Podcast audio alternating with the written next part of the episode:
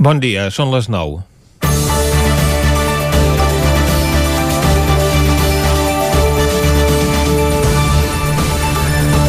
Ahir es van dur a terme unes eleccions totalment atípiques per la pandèmia i per les poques ganes que tenien la majoria de partits a celebrar-les atesa la situació epidemiològica.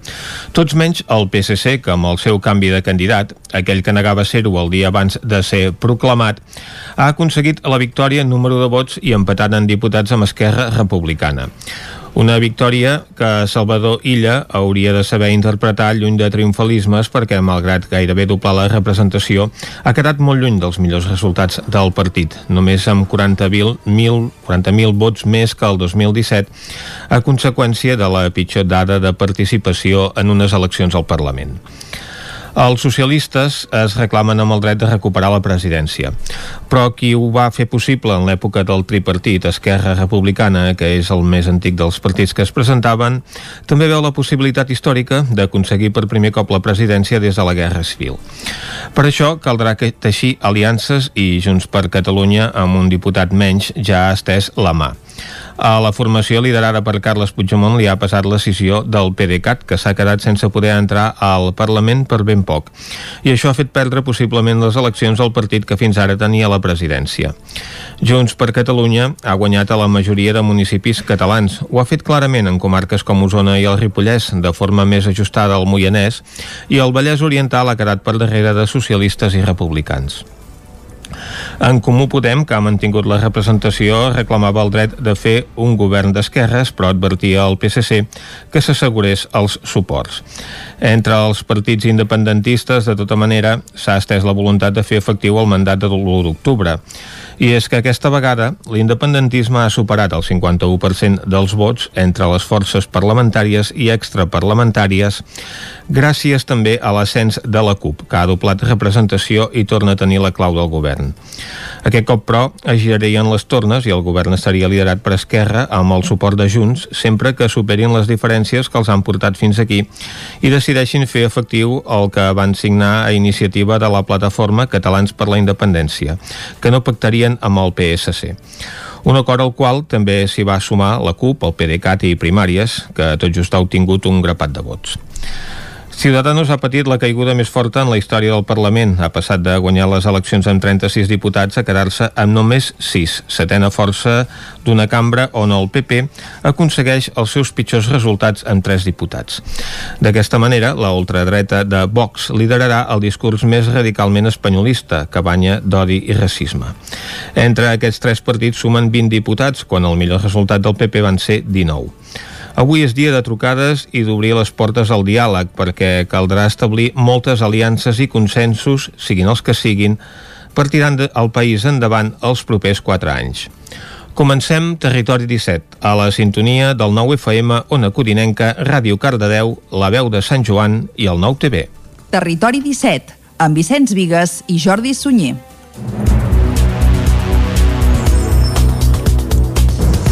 Són les 9 i 3 minuts i mig del dilluns, dia 15 de febrer de 2021. Comença aquí un nou Territori 17 que avui, com sempre, durant la primera hora us acostarà tota l'actualitat de les nostres comarques, avui posant l'accent especial en les eleccions d'ahir diumenge. Després, a partir de les 10, les seccions habituals dels dilluns. Avui anirem als solidaris amb Eloi Puigferrer.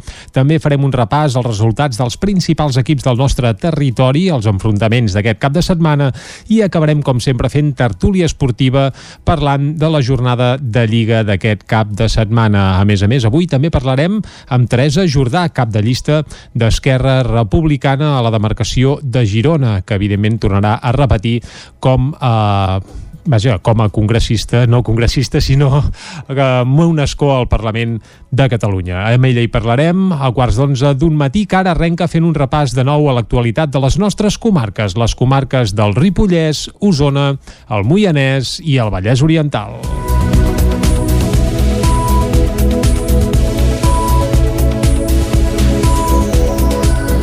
Els partits independentistes han tornat a aconseguir una majoria clara a Osona.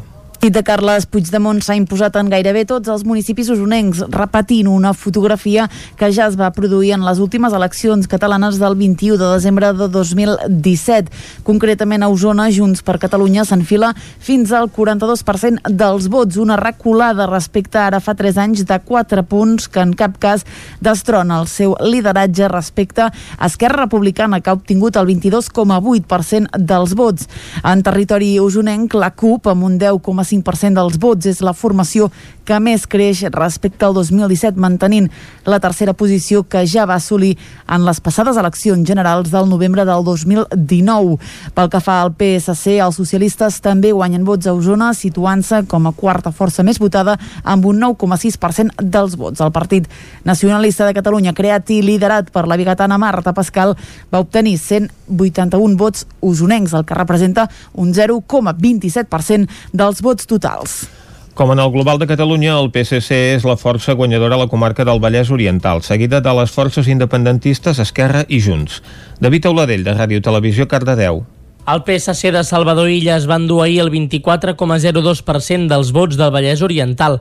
El Partit Socialista es va endur poc més de 38.500 vots dels vallesans una mica més que la segona força Esquerra Republicana, que va aconseguir gairebé 35.900 vots, el que és un 22,37%. Junts perd suport a la comarca respecte al 21D i és la tercera força amb un 20,26% dels vots. La sorpresa arriba, com a tot Catalunya, amb l'augment de vots per a Vox, que es converteix en quarta força a la comarca amb un 7,29% dels vots. 11.688 ballesans van votar el partit d'extrema dreta. En Comú Podem ocupa la cinquena posició a la comarca, tot i que el global de Catalunya sigui la CUP. A la comarca la candidatura de Sabater ha quedat com a sisena força per sobre de Ciutadans i del Partit Popular, que segueix perdent suport a les urnes. A la comarca també baixa dràsticament la participació en aquests comicis. Ahir la dada ballesana de participació va ser del 53,46% del cens, concretament 30 punts menys que les eleccions del 21D. Junts per Catalunya arrasa el Ripollès per davant d'Esquerra i el PSC que passa a ser la tercera força. Ciutadans s'enfonsa i la CUP es manté. Isaac Muntades, des de la veu de Sant Joan. Junts per Catalunya va aconseguir de nou una clara victòria al Ripollès a les eleccions catalanes d'aquest diumenge al Parlament de Catalunya. La formació liderada per Carles Puigdemont va obtenir 4.122 vots i gairebé un 38% dels sufragis a la comarca. Això sí, tot i guanyar amb comoditat, Junts va perdre gairebé 4 punts de percentatge respecte als comicis de l'any 2017 i va obtenir uns 3.500 vots menys. Tot i la davallada, l'alcalde de Ripoll, Jordi Monell, continuarà sent diputat al Parlament, ja que va ser l'últim que va guanyar l'escó per la demarcació de Girona, on van aconseguir-ne 7, els mateixos que el 2017. Monell estarà acompanyat per l'exalcaldessa del municipi i consellera d'Agricultura Teresa Jordà, d'Esquerra Republicana de Catalunya, que va obtenir 2.555 vots a la comarca, un 23,5% del total, i per tant es van quedar gairebé 15 punts de Junts. Els republicans van perdre uns 1.500 sufragis i una mica més de mig punt percentual, però també van resistir bé l'obstacle de la baixa participació, que va ser d'un 57,2%, i va estar motivada per la pandèmia i la desafecció política provocada pel confinament comarcal que es va produir durant les festes de Nadal. Aquesta és la xifra més baixa de la història de participació en unes eleccions catalanes i contrasta amb el 84,9% del 2017. El PSC va ser un dels grans triomfadors del panorama català i del Ripollès, ja que va recuperar la tercera posició que fins ara estava en mans de la CUP. Els socialistes van obtenir 1.289 vots i un 11,8% dels sufragis, és a dir, van incorporar uns 130 vots més respecte al 2017 i van augmentar més de 4 punts percentuals. En canvi, la CUP va perdre gairebé 200 vots i es va quedar amb 810, però pràcticament va doblar el percentatge amb un 9,2% dels vots. A partir d'aquí no no va haver-hi massa sorpreses i el PDeCAT amb un fort arrelament a la comarca va aconseguir un 4,2% dels sufragis amb 464. Tot i això, en quedar fora del Parlament, l'alcaldessa Dolors Costa, que anava de número 3 per Girona, no va tenir cap opció d'entrar. Pel que fa als partits de la dreta constitucionalista, Vox va erigir-se en el gran vencedor amb 396 vots i un 3,6% dels sufragis. La formació d'extrema dreta va aconseguir guanyar còmodament a Ciutadans i el PP, que es van enfonsar a la comarca. Entremig va quedar en Comú Podem amb 350 vots i un 3,2% dels sufragis, que també va perdre vots però va augmentar lleugerament en percentatge. En canvi, Ciutadans es va estavellar i no va arribar al 2% dels vots amb només 194 sufragis, gairebé 1.800 suports menys i una caiguda d'uns 10 punts respecte al 2017. El PP va acabar amb 141 vots i poc més de l'1% dels sufragis. El 2017 va doblar els resultats. Junts per Catalunya és la força més votada al Moianès, mentre que Esquerra Republicana guanya a Moià. Caral Campàs, des d'Ona Codinenca. La jornada electoral al Moianès va estar marcada per la forta baixada de la participació. En total, un 24% menys que les eleccions del 2017, que ha deixat en un 61% la participació final. Com fa tres anys, Junts per Catalunya torna a ser la força més votada, aquest cop amb un estret marge respecte a Esquerra Republicana, que aconsegueix el 31 i el 29% dels vots respectivament. La CUP amb un 11% aconsegueix ser tercera força seguida del PSC amb un 9%, tot i no tenir representació al Parlament. El PDeCAT aconsegueix ser la cinquena força més votada al Moianès per davant de Comuns, Vox, Ciutadans i el PP. Pel que fa a les victòries per municipis, Junts ha guanyat a sis pobles, Esquerra en tres i en el cas de Santa Maria d'Oló les dues forces han quedat empatades a vots. A la capital Moià, Esquerra ha guanyat després que el 2017 cedís la primera posició a Junts. En tercera posició ha quedat el PSC a pocs vots de distància de la CUP. La formació anticapitalista tindrà de fet una diputada de la comarca Baixa Xanguera, qui va ser els últims dos anys regidora de Capgirem Moià, ha aconseguit escó al ser la cinquena de la llista. El col·lectiu de risc va ser el primer a acudir a les urnes aquest diumenge d'eleccions al Parlament respectant les franges horàries per anar a votar que ha establert per primera vegada i a causa de la pandèmia el govern de la Generalitat aquest diumenge, poc després de constituir-se totes les meses electorals. Les cues ja es feien notar a l'escola Vic Centre. Els primers d'arribar van ser els col·lectius de risc, persones de més de 65 anys amb malalties cròniques o embarassades, un col·lectiu que estava cridat de 9 a 12 del matí, tan bon punt obrissin els col·legis electorals. Trini Solà va ser una de les primeres a arribar, ho va fer acompanyada de la seva neta, la Clàudia, que va votar per primera vegada. Perquè no tenia gaires ganes de venir. Perquè en aquest temps, i tinc d'anar tant, tant, tant, doncs vaig dir no aniré a votar. Però és clar, m'he escoltat el jovent i és qüestió de creure. Sí, sí, doncs cap aquí a votar i s'ha acabat.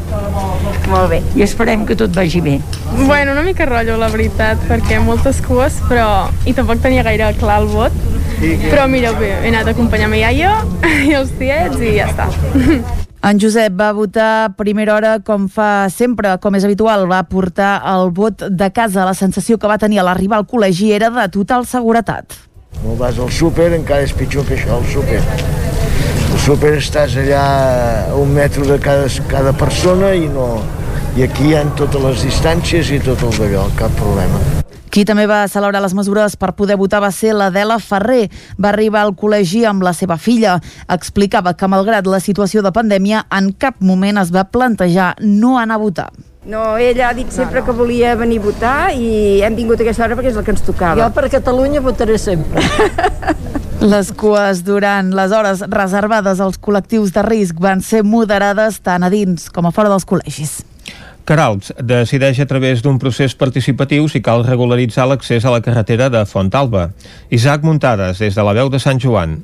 A principis de l'any 2020, l'Ajuntament de Caralps volia iniciar un procés participatiu per saber si s'havia de gestionar la carretera que enllaça el municipi i com s'havia de fer. Per culpa de la pandèmia, aquest procés es va endarrerir fins a la passada tardor, tot i que ara ja està arribant al seu final. L'alcaldessa de Junts per Caralps, Imma Constants, va detallar algunes de les conclusions a què han arribat els participants del procés. Comenta la necessitat de pàrquing, comenta que hi ha d'haver-hi alguna mena de barrera, algun, algun control, una forma de control, que lògicament si, si es fes pagar una taxa, una quota per poder passar per cotxe, per dir alguna cosa, hauria de revertir un altre cop en l'espai, en arreglar la carretera, en, en posar, per exemple, papereres a dalt, o en tindre un vigilant que després reculli, no sé, reculli les deixalles, posant un límit de cotxes al dia. L'alcaldessa va apuntar que el municipi necessitaria una zona d'aparcament amb moltes places i va recordar que el pàrquing de la zona del Carmellera no és públic. Una possible idea seria deixar pujar només entre 100 i 150 cotxes al dia i llavors pujar la resta de la gent amb cotxes tot terreny, però per això caldria tenir aquest espai. També va apuntar que en aquest procés s'ha parlat de recuperar amb una bona senyalització l'antic camí que va de Carals a Fontalba, ja que molta gent agafa la carretera directament perquè Fontalba és un punt on comencen les excursions al Puigmal o a l'Olla de Núria. Parlant pròpiament del procés de participació, que l'ha capitanejat una empresa empresa contractada pel parc de les capçaleres del Ter i del Freser hi han participat entre 40 i 50 persones d'àmbits molt variats com són persones del municipi, del Club Pirinenc, de segona residència, gent gran que ha vist l'evolució del camí de Fontalba, el sector turístic, del lleure ramaders i gent que hi ha volgut participar. L'enquesta es va fer per telèfon i els participants es van esplayar molt i pràcticament tots van apostar perquè calia una gestió. Ara s'han engegat uns tallers participatius telemàtics en què hi han arribat a participar més d'una vintena de persones i on es fan subgrups de treball. Després d'això, l'empresa farà el seu informe final. Constants també va va explicar que el procés incluïa els gorgs del freser que també s'havien massificat. Nosaltres pensem que també és una mica l'efecte reflex de que alguns punts que també tenien aquesta problemàtica, com el torrent de la Cabana, com la riera de Merlès o així, doncs es decidís prohibir el bany. Les persones, bueno, és diem, aquest any tenien necessitat de, bueno, necessitat de sortir, a, on es veien més segurs eren espais naturals així oberts, i aleshores, doncs, què passa? Que si a un punt no pots, doncs vas tirant amunt i fins a un punt que pots. Nosaltres ens vam plantejar, no? Però, esclar, primer de tot has de tindre persones que puguin realment sancionar, no? Si hi ha alguna persona que hi és, llavors vam pensar, escolta'm, tampoc és a l'any, perquè justament és al revés, no? La necessitat de les persones és això, esvergir-se. Uh, el que passa que s'ha col·lapsat, això és cert, eh? El procés participatiu finalitzarà en les pròximes setmanes. I fins aquí el butlletí informatiu que us hem ofert, com sempre, amb les veus de Vicenç Vigues, Clàudia Dinarès, David Auladell, Caral Campàs i Isaac Muntades. Ara el que toca és saber el temps que ens espera per a les properes hores. Casa Terradellos us ofereix el temps. I qui ens acosta el temps aquí a Territori 17 és sempre en Pep Acosta, que no sé si està gaire content o no pels resultats d'ahir, electoralment parlant, perquè el seu Twitter eh, bullia. Però vaja, Pep, parlem del temps. Molt bon dia. Hola a tothom. Hola, Molt bon dia. I bona hora. Molt bon dilluns. Uh -huh. Espero que hagi tingut un gran cap de setmana. Sí, igualment. Val a dir uh -huh. que ha estat un cap de setmana molt d'hivern, diria jo. bueno, bastant d'hivern, diria uh -huh. jo, pel que fa al temps. Hem tingut pluja, neu, temperatures baixes, ambient tapat, eh, per fi una mica d'hivern, eh? eh? Continuava aquesta entrada de vents atlàntics, eh, fronts, eh, i en total hi han hagut Uh, com ho diria? Moltes hores de precipitació, uh -huh. sí, sí, déu nhi hores de precipitació que hi ha hagut, però en general poca pluja. Hem superat els 20 litres només a les zones més altes del Pirineu, també cap al Montseny, és a dir, a les zones de muntanya. Les zones de muntanya sí que s'han superat aquests eh, 15-20 litres. A la majoria de les poblacions, si sumem divendres, dissabte i diumenge, no han passat de 10 litres. Per tant, unes precipitacions força escasses. Uh -huh. Més o menys és el que tenia previst. No tenia previst ni de bon tros molta, molta pluja. I això, eh, una mica de fred, una mica de fred. Ahir, sobretot, jo crec que ahir va fer unes temperatures d'hivern, d'hivern, no vam superar els 10 graus gairebé en cap població. Uh -huh. uh, aquesta setmana com l'encararem? Aviam, explica'ns-ho. Uh, hi ha un canvi, un canvi en el, en el paradigma meteorològic, un ah. canvi de temps. Aviam. Si l'última setmana ha estat dominada per aquests vents atlàntics, mm. vents de, de nord-nord-oest, comença a entrar vent del sud. Uh, avui poder encara no, uh, després uh, comentaré més, uh, més a la talla el temps d'avui, però durant la setmana entrarà vent del sud. Uh, ràpidament pujaran les temperatures i el sol serà gran protagonista. Mm, recordeu això, eh? Aquesta setmana dominada per vents del sud i on la temperatura cada vegada serà més alta. Però anem avui en concret, anem al dia d'avui, que és el que toca, perquè Exacte. avui som dilluns, sí, sí, dia 15 de febrer. Evidentment. Doncs avui ens hem llevat les temperatures força baixes, per sota els 5 graus a les comarques, i encara tenim el cel molt tapat. Mm, hi ha aquestes, aquesta mala visibilitat, molts núvols baixos, fins i tot encara s'escapa alguna gota en alguna zona del peritoral, tot això s'anirà acabant. De cara al migdia ja tindrem alguna clariana i a les últimes hores del dia, últimes hores de la tarda, el sol ja serà el protagonista. Com que avui hi haurà encara poques hores de sol, les temperatures pujaran molt poc les màximes. Es mouran, jo crec, entre els 11, 12, 13 graus com a molt. I la majoria de temperatures quedaran entre els 7 i els 10 graus de màxima encara farà força fred el dia d'avui. Però serà l'últim, eh? A partir de demà, molt de sol, vents de sud i unes temperatures que pujaran ràpidament, eh? Uh, ja veureu que l'ambient serà molt suau uh -huh. durant tota la setmana. I eh, això és tot, a disfrutar el dia d'avui I, tant, i també eh, ja fa extensiu, tot i que ens escoltarem cada dia, a disfrutar d'aquesta setmana penúltima ja del mes de febrer. Ja veieu com van avançant les setmanes i els dies. Terrible. Moltes sí. gràcies, fins demà. Vinga, Adéu. Pep, moltes gràcies a tu, que vagi molt bé. Nosaltres ara fem una breu pausa i de seguida repassem què diuen les portades dels diaris d'avui. Evidentment, unes portades marcades per les eleccions d'ahir diumenge. Ens hi capbussem de seguida. Casa Tarradellas us ha ofert aquest espai. Territori 17. Envia'ns les teves notes de veu per WhatsApp al 646 079 023. 646 079 023. WhatsApp Territori 17.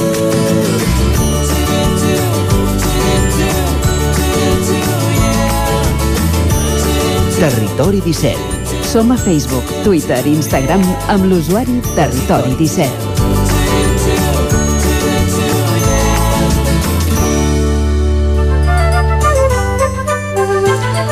És hora, com us dèiem, d'anar al quiosc, de fer un repàs a les portades dels diaris, avui tant la premsa comarcal, nacional com estatal, centrada en els resultats d'aquestes eleccions al Parlament de Catalunya d'ahir. Clàudia. Bon dia de nou, comencem com sempre amb el 9-9, concretament avui amb el Vallès Oriental que diu Salvador Illa guanya les eleccions, el PSC s'imposa en vots a Catalunya, triomfa el Vallès Oriental i iguala escons amb Esquerra Republicana. Els vallesans Illa, Canadell, Jové, Budó, El Homrani i Terrades entren com a diputats al nou Parlament. Anem a l'edició d'Osona i el Ripollès que diu obligats a pactar. Junts per Catalunya s'imposa clarament a Osona i el Ripollès, mentre que Esquerra és la força independentista més votada en el conjunt de Catalunya. El PSC amb Salvador Illa és el partit amb més vots, però té difícil aconseguir els suports necessaris per ser investit president. Anem a veure què treuen en portada els diaris catalans. Comencem amb el punt avui que diu més que mai l'independentisme no només no afluixa, sinó que obté 74 diputats, dos més que ara. Els vots en favor de la independència superen per primer cop el 50% en unes eleccions. A l'ara, Esquerra lidera la victòria independentista. Aragonès i Junqueras reivindiquen la presidència de la Generalitat per Esquerra Republicana. El PSC guanyen vots, Vox i Rom al Parlament amb 11 diputats sobre la desfeta de Ciutadans i el PP. El periòdic El PSC guanya amb Villa i Esquerra té la clau. Els socialistes aconsegueixen la victòria en vots i Esquerra s'imposa junts per primer cop en unes autonòmiques i a l'avantguàrdia Illa guanya i, l'independentisme, perdoneu, amplia la majoria al Parlament. Com veiem, Vox i Roma amb força i agudits a la crisi del PP i de Ciutadans. Anem a veure com llegeixen els resultats d'aquestes eleccions a Madrid. El país diu l'independentisme reforça la seva majoria tot i la victòria del PSC. Aragonès venç el duel amb Laura Borràs i vol un front ampli. El Mundo, la victòria d'Illa, no evita l'enfortiment del separatisme. Vox i Rom amb força i aboca en una greu crisi a PP i a Ciutadans. A la Razón guanya Illa i Esquerra mana l'independentisme surt reforçat i obté majoria absoluta tot i la victòria dels socialistes a Catalunya. I a l'ABC el PSC guanya però l'independentisme s'aferma. Els socialistes doblen els seus escons, encara eh, la suma d'Esquerra, Junts per Catalunya i la CUP anula l'efecte illa.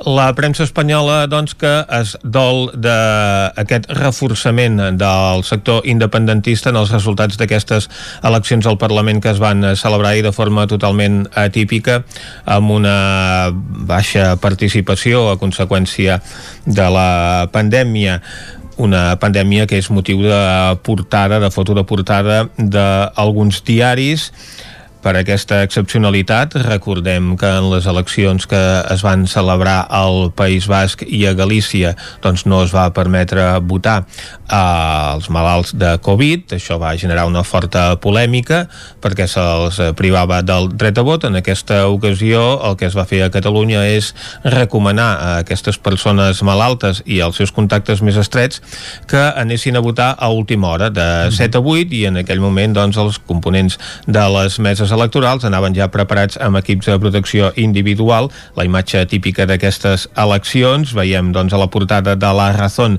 com apareix amb una fotografia a, a tot l'ample de la portada amb membres d'aquestes meses amb els EPIs posats i aixecant els braços. També a la portada de El País, doncs, Sí, refereixen a aquesta circumstància amb una foto doncs, on es veu el que va fer ahir la majoria de persones que és anar a votar a pavellons en lloc dels col·legis habituals. Evidentment, Salvador Illa, protagonista de les portades celebrant aquesta victòria, apareix doncs, a tots els diaris espanyols excepte El Mundo que opta per aquesta fotografia també un primer terme de, de la votació d'un elector votant en aquesta última hora de 7 a 8 i apareix també aportada una fotografia petita dels tres vencedors, entre cometes, d'aquestes eleccions, Salvador Illa, Pere Aragonès i Laura Borràs, els eh, tres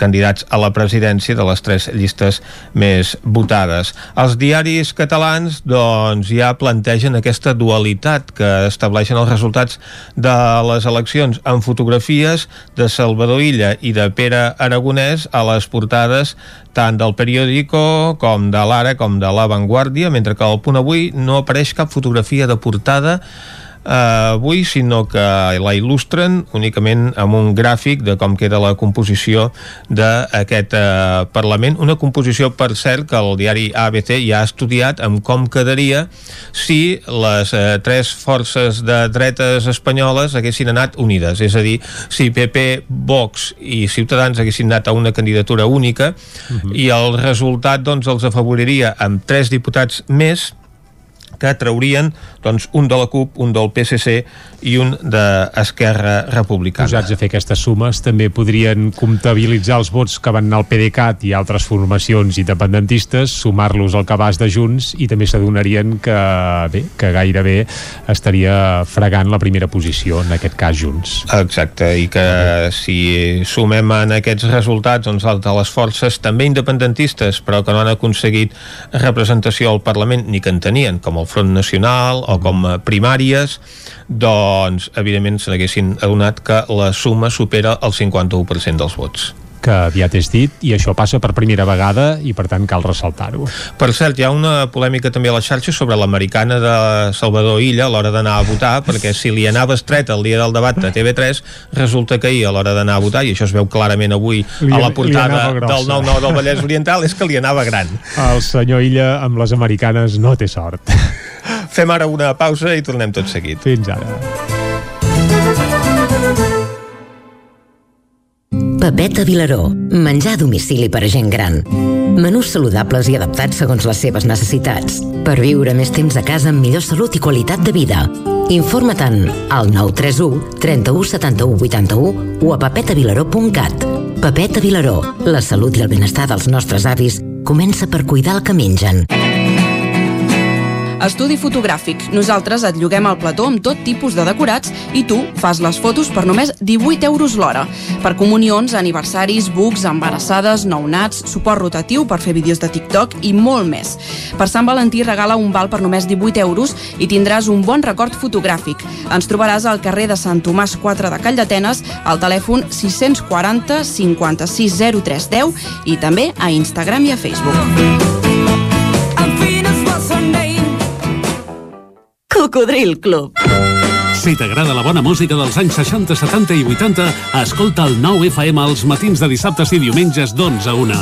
És el temps del Cocodril Club, tot un clàssic de la ràdio, amb les bases del pop-rock, les llegendes, les cançons que s'han convertit en autèntics himnes. Recorda, dissabtes i diumenges al matí, d'11 a 1, al 9 FM 92.8. Cocodril Club, el programa revival de l'Albert Malla. Hasta luego, cocodrilo. Cobertes serveis funeraris.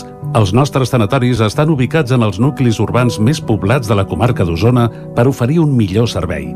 Tanatori de Vic, Tanatori de Manlleu, Tanatori de Centelles i Tanatori de Roda de Ter.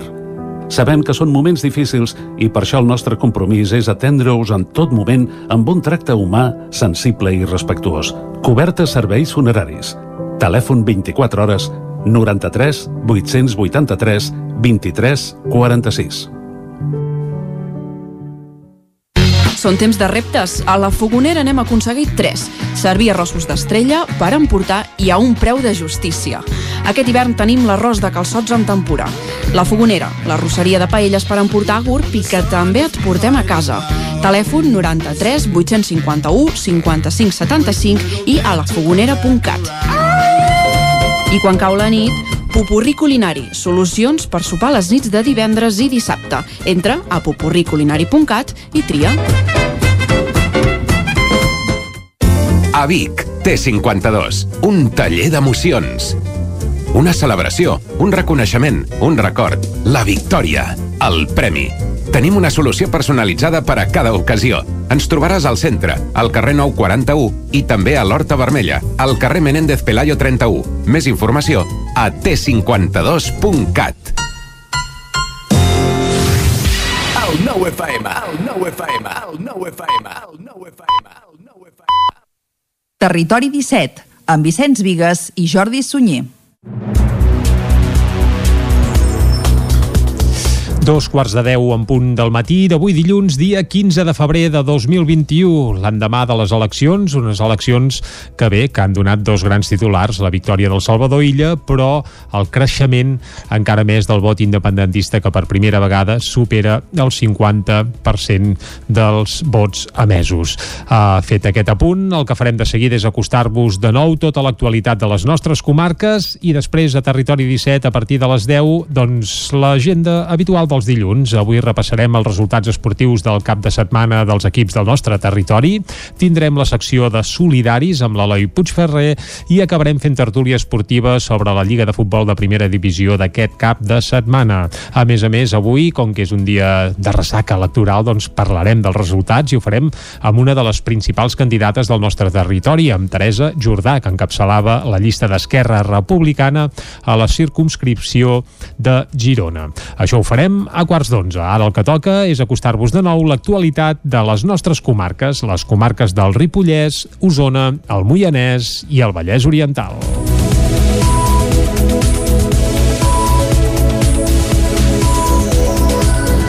Els partits independentistes han tornat a aconseguir una majoria clara a Osona. Nit de Carles Puigdemont s'ha imposat en gairebé tots els municipis usonencs, repetint una fotografia que ja es va produir en les últimes eleccions catalanes del 21 de desembre de 2017.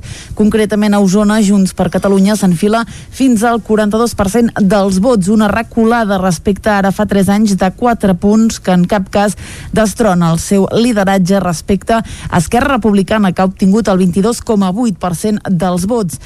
En territori usonenc, la CUP, amb un 10,5 5% dels vots. És la formació que més creix respecte al 2017, mantenint la tercera posició que ja va assolir en les passades eleccions generals del novembre del 2019.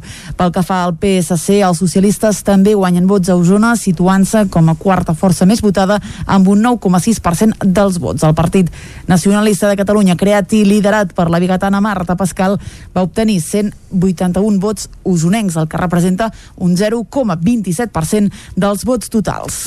Com en el Global de Catalunya, el PSC és la força guanyadora a la comarca del Vallès Oriental, seguida de les forces independentistes Esquerra i Junts. David Auladell, de Ràdio Televisió, Cardedeu. El PSC de Salvador Illa es va endur ahir el 24,02% dels vots del Vallès Oriental. El Partit Socialista es va endur poc més de 38.500 vots dels vallesans una mica més que la segona força Esquerra Republicana, que va aconseguir gairebé 35.900 vots, el que és un 22,37%. Junts perd suport a la comarca respecte al 21D i és la tercera força amb un 20,26% dels vots. La sorpresa arriba com a tot Catalunya amb l'augment de vots per a Vox, que es converteix en quarta força a la comarca amb un 7,29% dels vots. 11.688 ballesans van votar el partit d'extrema dreta. En Comú Podem ocupa la cinquena posició a la comarca, tot i que el global de Catalunya sigui la CUP. A la comarca la candidatura de Sabater ha quedat com a sisena força per sobre de Ciutadans i del Partit Popular, que segueix perdent suport a les urnes.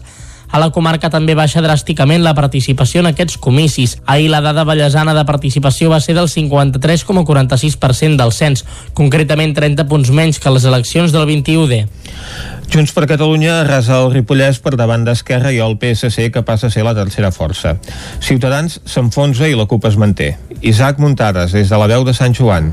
Junts per Catalunya va aconseguir de nou una clara victòria al Ripollès a les eleccions catalanes d'aquest diumenge al Parlament de Catalunya. La formació liderada per Carles Puigdemont va obtenir 4.122 vots i gairebé un 38% dels sufragis a la comarca. Això sí, tot i guanyar amb comoditat, Junts va perdre gairebé 4 punts de percentatge respecte als comicis de l'any 2017 i va obtenir uns 3.500 vots menys. Tot i la davallada, l'alcalde de Ripoll, Jordi Monell, continuarà sent diputat al Parlament, ja que va ser l'últim que va guanyar l'escó per la demarcació de Girona, on van aconseguir-ne 7, els mateixos que el 2017. Monell estarà acompanyat per l'exalcaldessa del municipi i consellera d'Agricultura Teresa Jordà, d'Esquerra Republicana de Catalunya, que va obtenir 2.555 vots a la comarca, un 23,5% del total, i per tant es van quedar gairebé 15 punts de Junts. Els republicans van perdre uns 1.500 sufragis i una mica més de mig punt percentual, però també van resistir bé l'obstacle de la baixa participació, que va ser d'un 57,2% i va estar motivada per la pandèmia i la desafecció política provocada pel confinament comarcal que es va produir durant les festes de Nadal. Aquesta és la xifra més baixa de la història de participació en unes eleccions catalanes i contrasta amb el 84,9% del 2017. El PSC va ser un dels grans triomfadors del panorama català i del Ripollès, ja que va recuperar la tercera posició que fins ara estava en mans de la CUP. Els socialistes van obtenir 1.289 vots i un 11,8% dels sufragis, és a dir, van incorporar uns 130 vots més respecte al 2017 i van augmentar més de 4 punts percentuals. En canvi, la CUP va perdre gairebé 200 vots i es va quedar amb 810, però pràcticament va doblar el percentatge amb un 9,2% dels vots. A partir d'aquí no va haver-hi massa sorpreses i el PDeCAT, amb un fort arrelament a la comarca, va aconseguir un 4,2% dels sufragis amb 464. Tot i això, en quedar fora del Parlament, l'alcaldessa Dolors Costa, que anava de número 3 per Girona, no va tenir cap opció d'entrar. Pel que fa als partits de la dreta constitucionalista, Vox va erigir-se en el gran vencedor amb 396 vots i un 3,6% dels sufragis. La formació d'extrema dreta va aconseguir guanyar còmodament a Ciutadans i el PP, que es van enfonsar a la comarca. Entremig va quedar en Comú Podem amb 350 vots i un 3,2% dels sufragis, que també va perdre vots però va augmentar lleugerament en percentatge. En canvi, Ciutadans es va estavellar i no va arribar al 2% dels vots amb només 194 sufragis, gairebé 1.800 suports menys i una caiguda d'uns 10 punts respecte al 2017. El PP va acabar amb 141 vots i poc més de l'1% dels sufragis. El 2017 va doblar els resultats. Junts per Catalunya és la força més votada al Moianès, mentre que Esquerra Republicana guanya a Moià.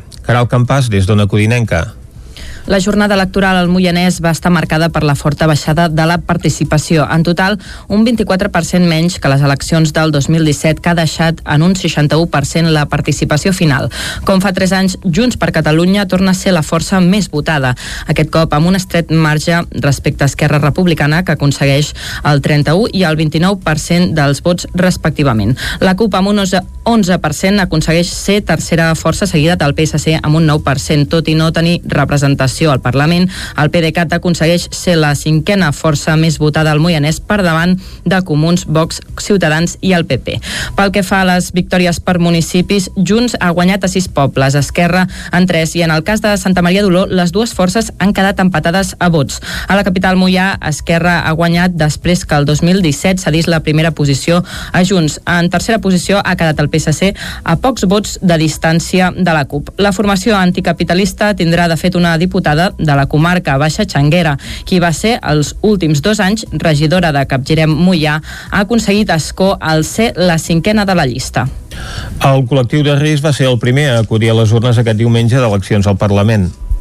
Respectant les franges horàries per anar a votar que ha establert per primera vegada i a causa de la pandèmia el govern de la Generalitat aquest diumenge, poc després de constituir-se totes les meses electorals. Les cues ja es feien notar a l'escola Vic Centre. Els primers d'arribar van ser els col·lectius de risc, persones de més de 65 anys amb malalties cròniques o embarassades, un col·lectiu que estava cridat de 9 a 12 del matí, tan bon punt obrissin els col·legis electorals. Trini Solà va ser una de les primeres a arribar, ho va fer acompanyada de la seva neta, la Clàudia, que va votar per primera vegada. Perquè no tenia gaires ganes de venir. Perquè en aquest temps, si tinc d'anar tant, tant, tant, doncs vaig dir no aniré a votar. Però és clar, m'he escoltat el jovent i és qüestió de creure. Sí, sí, doncs cap aquí a votar i s'ha acabat. Molt bé. I esperem que tot vagi bé. Bueno, una mica rotllo, la veritat, perquè moltes cues, però... I tampoc tenia gaire clar el vot. Però mira, bé, he anat a acompanyar ma iaia i els tiets i ja està. En Josep va votar a primera hora com fa sempre, com és habitual, va portar el vot de casa. La sensació que va tenir a l'arribar al col·legi era de total seguretat. No vas al súper, encara és pitjor que això, al súper. Súper estàs allà a un metre de cada, cada persona i no, I aquí hi ha totes les distàncies i tot el d'allò, cap problema. Qui també va celebrar les mesures per poder votar va ser l'Adela Ferrer. Va arribar al col·legi amb la seva filla. Explicava que, malgrat la situació de pandèmia, en cap moment es va plantejar no anar a votar. No, ella ha dit sempre no, no. que volia venir a votar i hem vingut a aquesta hora perquè és el que ens tocava. Jo per Catalunya votaré sempre. Les cues durant les hores reservades als col·lectius de risc van ser moderades tant a dins com a fora dels col·legis. Caralps decideix a través d'un procés participatiu si cal regularitzar l'accés a la carretera de Fontalba. Isaac Muntades, des de la veu de Sant Joan. A principis de l'any 2020, l'Ajuntament de Caralps volia iniciar un procés participatiu per saber si s'havia de gestionar la carretera que enllaça el municipi i com s'havia de fer. Per culpa de la pandèmia, aquest procés es va endarrerir fins a la passada tardor, tot i que ara ja està arribant al seu final. L'alcaldessa de Junts per Caralps, Imma Constants, va detallar algunes de les conclusions a què han arribat els participants del procés. Comenta la necessitat de pàrquing, comenta que hi ha d'haver-hi alguna mena de barrera, algun, algun control, una forma de control, que lògicament si, si es fes pagar una taxa, una quota per poder passar per cotxe, per dir alguna cosa, hauria de revertir un altre cop en l'espai, en arreglar la carretera, en, en posar, per exemple, papereres a dalt, o en tindre un vigilant que després reculli, no sé, reculli les deixalles, posant un límit de cotxes al dia.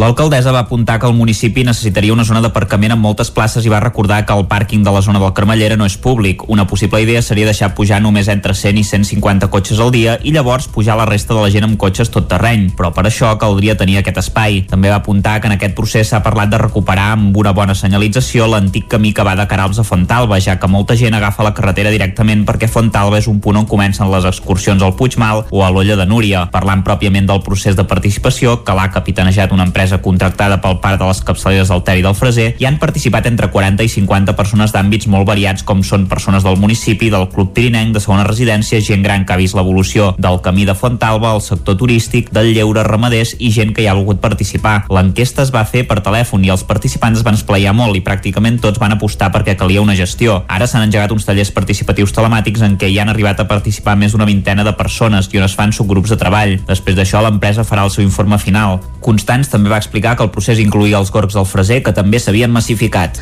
Nosaltres pensem que també és una mica l'efecte reflex de que alguns punts que també tenien aquesta problemàtica, com el torrent de la Cabana, com la riera de Merlès o així, doncs es decidís prohibir el bany.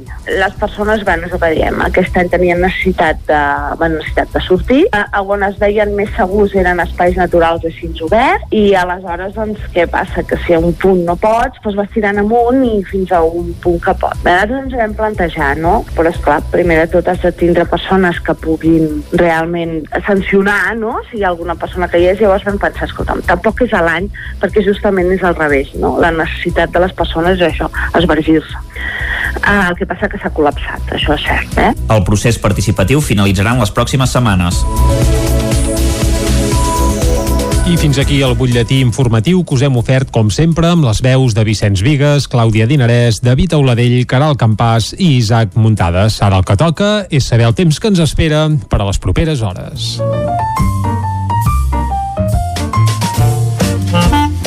Casa Terradellos us ofereix el temps. I qui ens acosta el temps aquí a Territori 17 és sempre en Pep Acosta, que no sé si està gaire content o no pels resultats d'ahir, electoralment parlant, perquè el seu Twitter eh, bullia. Però vaja, Pep, parlem del temps. Molt bon dia. Hola a tothom. Hola, Molt bon dia. I bona hora. Molt bon dilluns. Uh -huh. Espero que hagi tingut un gran cap de setmana. Sí, igualment. Val a dir uh -huh. que ha estat un cap de setmana molt d'hivern, diria jo. Bueno, bastant d'hivern, diria jo, pel que fa al temps. Hem tingut pluja, neu, temperatures baixes, ambient tapat, eh, per fer una mica d'hivern, eh? eh? Continuava aquesta entrada de vents atlàntics, eh, fronts, eh, i en total hi han hagut Uh, com ho diria? M -m moltes hores de precipitació, uh -huh. sí, sí, déu nhi hores de precipitació que hi ha hagut, però en general poca pluja. Hem superat els 20 litres només a les zones més altes del Pirineu, també cap al Montseny, és a dir, a les zones de muntanya. Les zones de muntanya sí que s'han superat aquests eh, 15-20 litres. A la majoria de les poblacions, si sumem divendres, dissabte i diumenge, no han passat de 10 litres. Per tant, unes precipitacions força escasses. Uh -huh. Més o menys és el que tenia previst. No tenia previst ni de bon tros molta, molta pluja. I això, eh, una mica de fred, una mica de fred. Ahir, sobretot, jo crec que ahir va fer unes temperatures d'hivern, d'hivern, no vam superar els 10 graus gairebé en cap població. Uh -huh. uh, aquesta setmana com l'encararem? Aviam, explica'ns-ho. Uh, hi ha un canvi, un canvi en el, en el paradigma meteorològic, un ah. canvi de temps. Aviam. Si l'última setmana ha estat dominada per aquests vents atlàntics, mm. vents de, de nord-nord-oest, comença a entrar vent del sud. Uh, avui poder encara no, uh, després uh, comentaré més, uh, més a la talla el temps d'avui, però durant la setmana entrarà vent del sud. Uh, ràpidament pujant les temperatures i el sol serà gran protagonista. Mm, recordeu això, eh? Aquesta setmana dominada per vents del sud i on la temperatura cada vegada serà més alta. Però anem avui en concret, anem al dia d'avui, que és el que toca, perquè avui som dilluns, sí, sí, dia 15 de febrer. Evidentment. Doncs avui ens hem llevat amb unes temperatures força baixes, per sota els 5 graus a majors comarques i encara tenim el cel molt tapat. Mm, hi ha aquestes, aquesta mala visibilitat, molts núvols baixos, fins i tot encara s'escapa alguna gota en alguna zona peritoral. Tot això s'anirà acabant. De cada migdia ja tindrem alguna clariana i a les últimes hores del dia, últimes hores de la tarda, el sol ja serà el protagonista. Com que avui hi haurà encara poques hores de sol, les temperatures pujaran molt poc les màximes. Es mouran, jo crec, entre els 11, 12, 13 graus com a molt. I la majoria de temperatures quedaran entre els 7 i els 10 graus de màxima. Encara farà força fred el dia d'avui. Però serà l'últim, eh? A partir de demà, molt de sol, vents de sud i unes temperatures que pujaran ràpidament, eh? Uh, ja veureu que l'ambient serà molt suau uh -huh. durant tota la setmana. I eh, això és tot, a disfrutar el dia d'avui. I, tant, i també eh, ja fa extensiu, tot i que ens escoltarem cada dia, a disfrutar d'aquesta setmana penúltima ja del mes de febrer. Ja veieu com van avançant les setmanes i els dies. Terrible. Moltes sí. gràcies, fins demà. Vinga, Adéu. Pep, moltes gràcies a tu, que vagi molt bé. Nosaltres ara fem una breu pausa i de seguida repassem què diuen les portades dels diaris d'avui. Evidentment, unes portades marcades per les eleccions d'ahir diumenge. Ens hi capbussem de seguida. Casa Tarradellas us ha ofert aquest espai. Territori 17. Envia'ns les teves notes de veu per WhatsApp al 646 079 023. 646 079 023. WhatsApp Territori 17.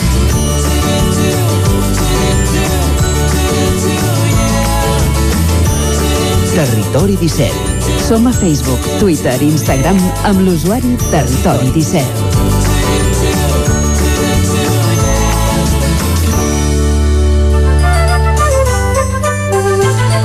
És hora, com us dèiem, d'anar al quiosc, de fer un repàs a les portades dels diaris, avui tant la premsa comarcal, nacional com estatal, centrada en els resultats d'aquestes eleccions al Parlament de Catalunya d'ahir. Clàudia. Bon dia de nou, comencem com sempre amb el 9-9, concretament avui amb el Vallès Oriental, que diu Salvador Illa guanya les eleccions, el PSC s'imposa en vots a Catalunya, triomfa el Vallès Oriental i iguala escons amb Esquerra Republicana.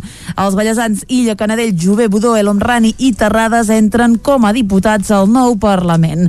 Anem a l'edició d'Osona i el Ripollès que diu obligats a pactar.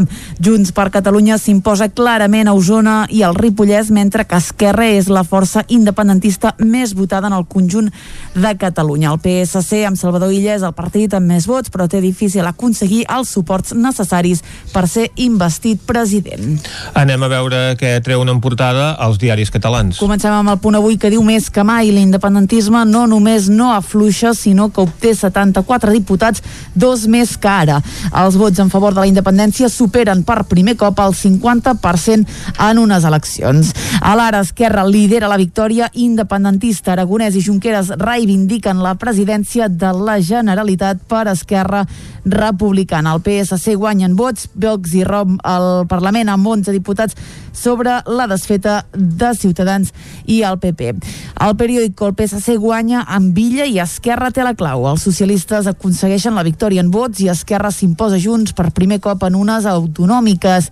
I l'avantguàrdia Illa guanya i, l'independentisme, perdoneu, amplia la majoria al Parlament. Com veiem, Vox i Roma amb força i aguditza la crisi del PP i de Ciutadans. Anem a veure com llegeixen els resultats d'aquestes eleccions a Madrid. El país diu l'independentisme reforça la seva majoria tot i la victòria del PSC. Aragonès venç el duel amb Laura Borràs i vol un front ampli. El Mundo, la victòria d'Illa, no evita l'enfortiment del separatisme. Vox i Rom amb força i aboca en una greu crisi a PP i a Ciutadans. A la Razón guanya Illa i Esquerra mana l'independentisme surt reforçat i obté majoria absoluta tot i la victòria dels socialistes a Catalunya. I a l'ABC el PSC guanya però l'independentisme s'aferma. Els socialistes doblen els seus escons, encara eh, la suma d'Esquerra, Junts per Catalunya i la CUP anula l'efecte illa. La premsa espanyola, doncs, que es dol d'aquest reforçament del sector independentista en els resultats d'aquestes eleccions al Parlament que es van celebrar i de forma totalment atípica, amb una baixa participació a conseqüència de la pandèmia.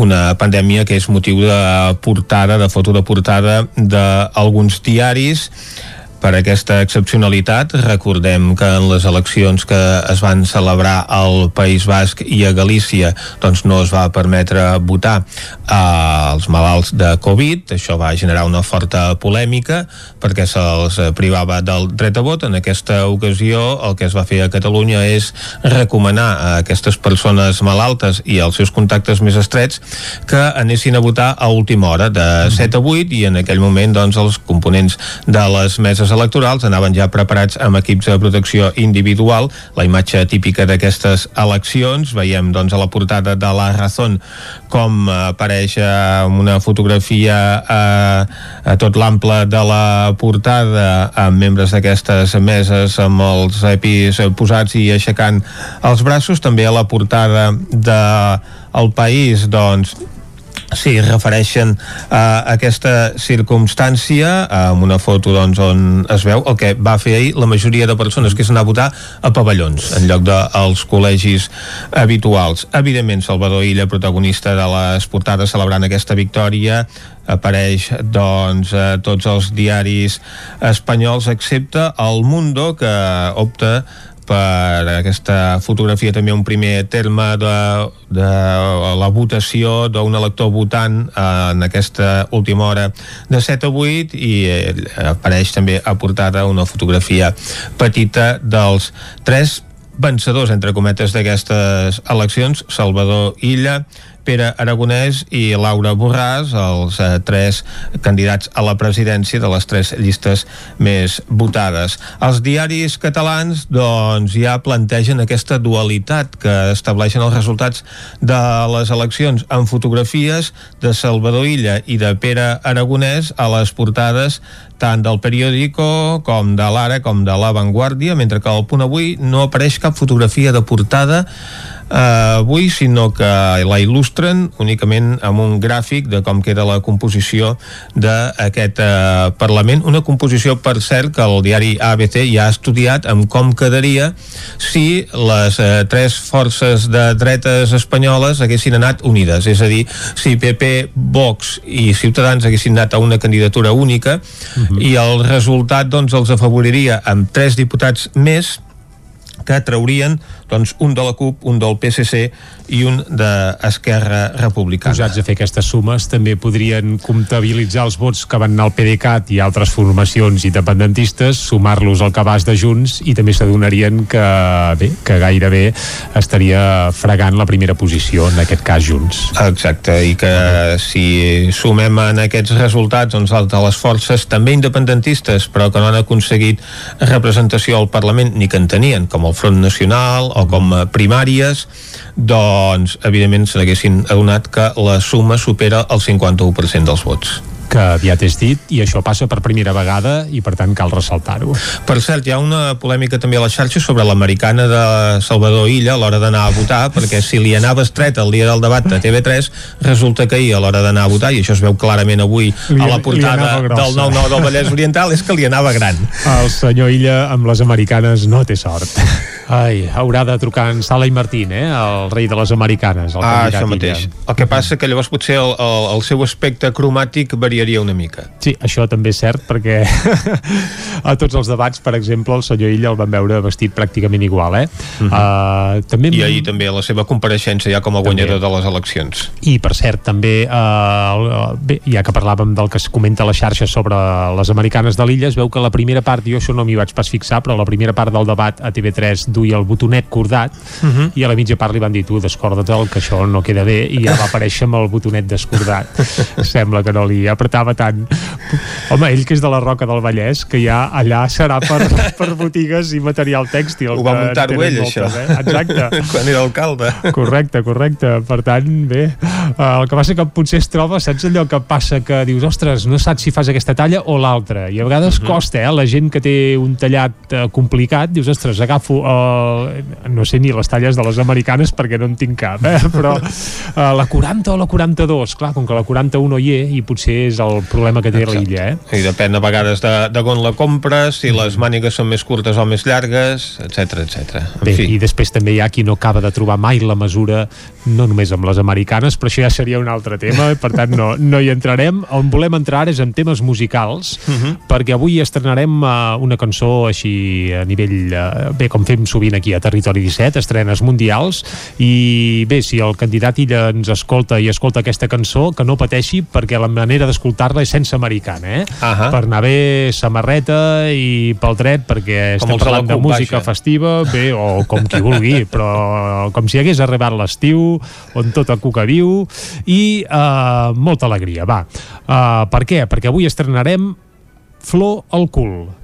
Per tant, ja veiem que no parlem Carai. del candidat ell, eh? Flor al cul serà el títol del primer disc, el primer llarga durada dels Pelat i Pelut, aquest grup de rumba usonenc, del qual alguna vegada ja n'hem escoltat alguna peça aquí a Territori 17, però resulta que ahir van fer públic que el seu primer disc es titularà Flor al cul, que sortirà el dia 13 d'abril, per tant encara falten uns quants dies, però per anar esmolant les eines que van fer, doncs han penjat ja una primera cançó d'aquest disc, que és la que escoltarem avui en primícia aquí a Territori 17, concretament una cançó que es diu Senyor Planeta, i tenint en compte el títol, potser alguns ja endevineu que bé, que evidentment hi ha un marcat caràcter verd aquí al darrere, i tot i que tot és a ritme de rumba i que és molt festiu, doncs home, també hi ha una mica de component eh, ecologista al darrere d'aquesta cançó. Eh, cal dir que els Pelat i Pelut ja fa 3 o 4 anys que estan en dansa i que estan tocant, que és un grup que va néixer bé, bàsicament a partir de dos músics, en Pelat, que és en Xavi Abril i en Pelut, que,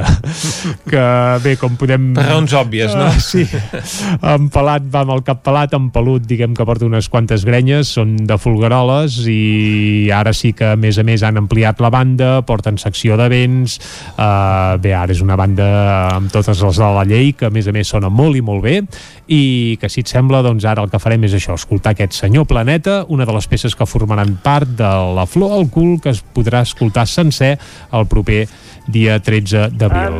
Uh, ja la sentim de fons, uh, l'escoltem sencera i arribem fins a les 10, sí? tant que sí. Doncs vinga, si ens escolteu amb americana, fora l'americana i visca els pelat i pelut. Amb ells arribarem fins al punt de les 10 aquí a Territori 17. Fins ara. Camina amb el cor en pau pel centre de la plaça. El gest dels seus dits, símbol de bonança. Una habitació tancada, plena d'aparells estranys. Viatge abraçat a les zones amb qui el vulgui acompanyar. Tocaves la terra i el cel amb les mateixes ganes. No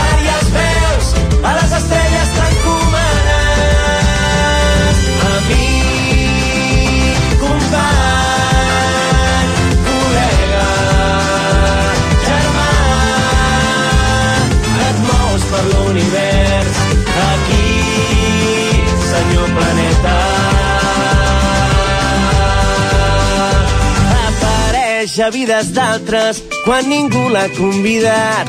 Ni destorba ni molesta, sembla ser que ha traspassat parets, murs, teles i ràdios amarat de bosc. Ets viu a l'espai.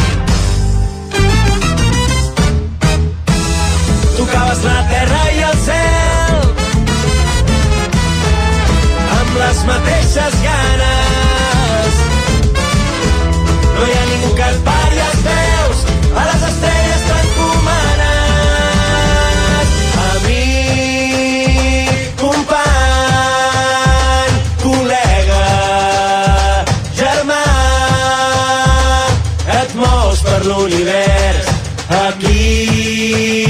aquí, senyor planeta.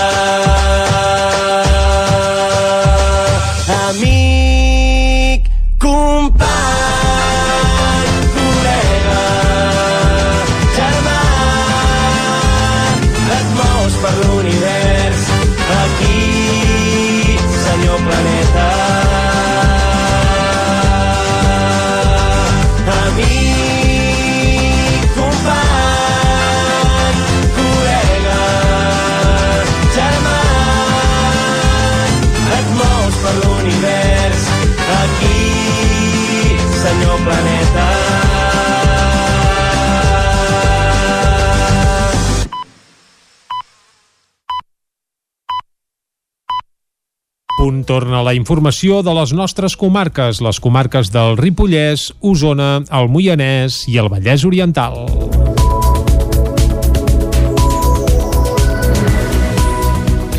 Caldes de Montbui protagonitza una jornada tràgica aquest divendres. Un accident a la C-59 acaba amb una persona morta. La víctima era una veïna de Caldes de 44 anys. Segons els Mossos, el conductor de la motocicleta que va provocar l'accident no tenia carnet i es desplaçava sense matrícula. Caral Campàs, des d'Ona Codinenca.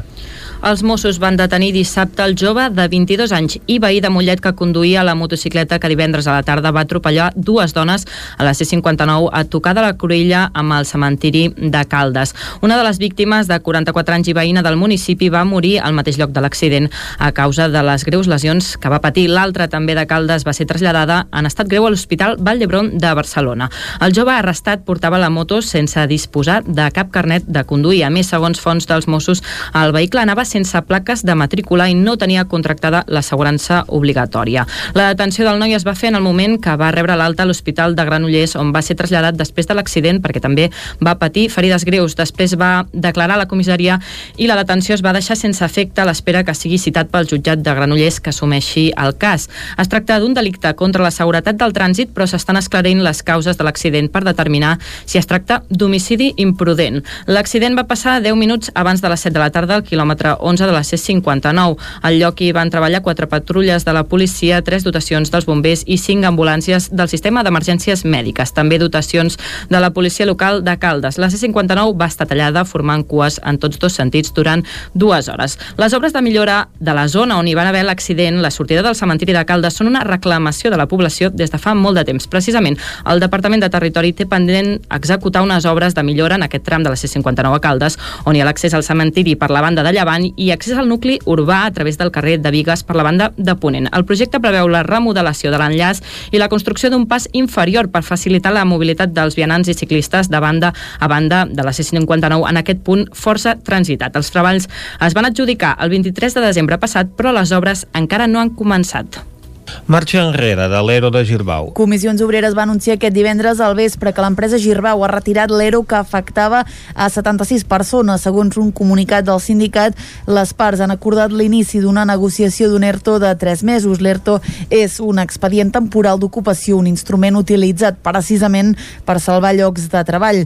L'empresa amb l'ERO pretenia acomiadar, com dèiem, 76 dels seus 495 treballadors, aduint causes econòmiques, tècniques i organitzatives. No obstant això, des del principi el comitè d'empresa va rebutjar l'ERO i va organitzar mobilitzacions. La presidenta del comitè d'empresa majoritari de comissions obreres, Sònia Domínguez, ja deia aleshores que hi havia altres opcions abans de fer fora gent. Ara s'obre una via per mantenir els llocs de treball. El comitè d'empresa havia convocat una vaga de dos dies aquesta setmana. En la mediació també s'hi havia implicat l'Ajuntament de Vic. Junts és el partit que ha liderat els resultats de les eleccions a la població de Cardedeu, amb molt poca diferència amb Esquerra. David Auladell, de Ràdio Televisió Cardedeu. Junts ha perdut suports respecte al 2017 però s'han imposat per poc a Esquerra Republicana que ha acabat segon. El partit de Puigdemont amb Borràs com a candidat a presidir la Generalitat, tot i ser segon a la llista, ha obtingut el 25,2% dels vots. Junts ha quedat al davant d'Esquerra, el seu soci de govern fins ara. Els republicans amb Aragonès com a candidat a la presidència han aconseguit el 24,1% dels vots. La tercera força al municipi és el PSC amb el 16,6%. La CUP ha sigut la quarta força amb un 11,9% dels vots. Pel que fa a la suma d'independentistes, Esquerra, Junts i CUP Guanyem, tornen a ser majoritaris a Cardedeu. Sumen el 63,5% dels vots. Com a dada, aquesta vegada ha pujat el vot en blanc, un 0,7% dels votants s'han decantat per aquesta opció. L'extrema dreta de Vox aconsegueix 4,6% dels vots a la població per sobre de Ciutadans i el Partit Popular, que com a dada curiosa ha aconseguit 155 vots a la vila i també ha quedat per sota fins i tot del PDeCAT. Amb aquests resultats, cap dels candidats que són de Cardedeu a les llistes obtenen un escó al Parlament.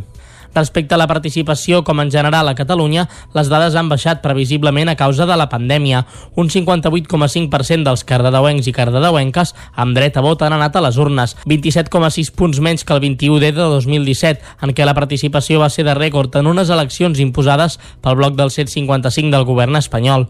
A última hora del vespre, a 10 minuts del tancament del col·legi electoral, hi havia convocada una concentració antifeixista a les portes del centre de votació. Finalment, però, aquesta manifestació no ha tirat endavant.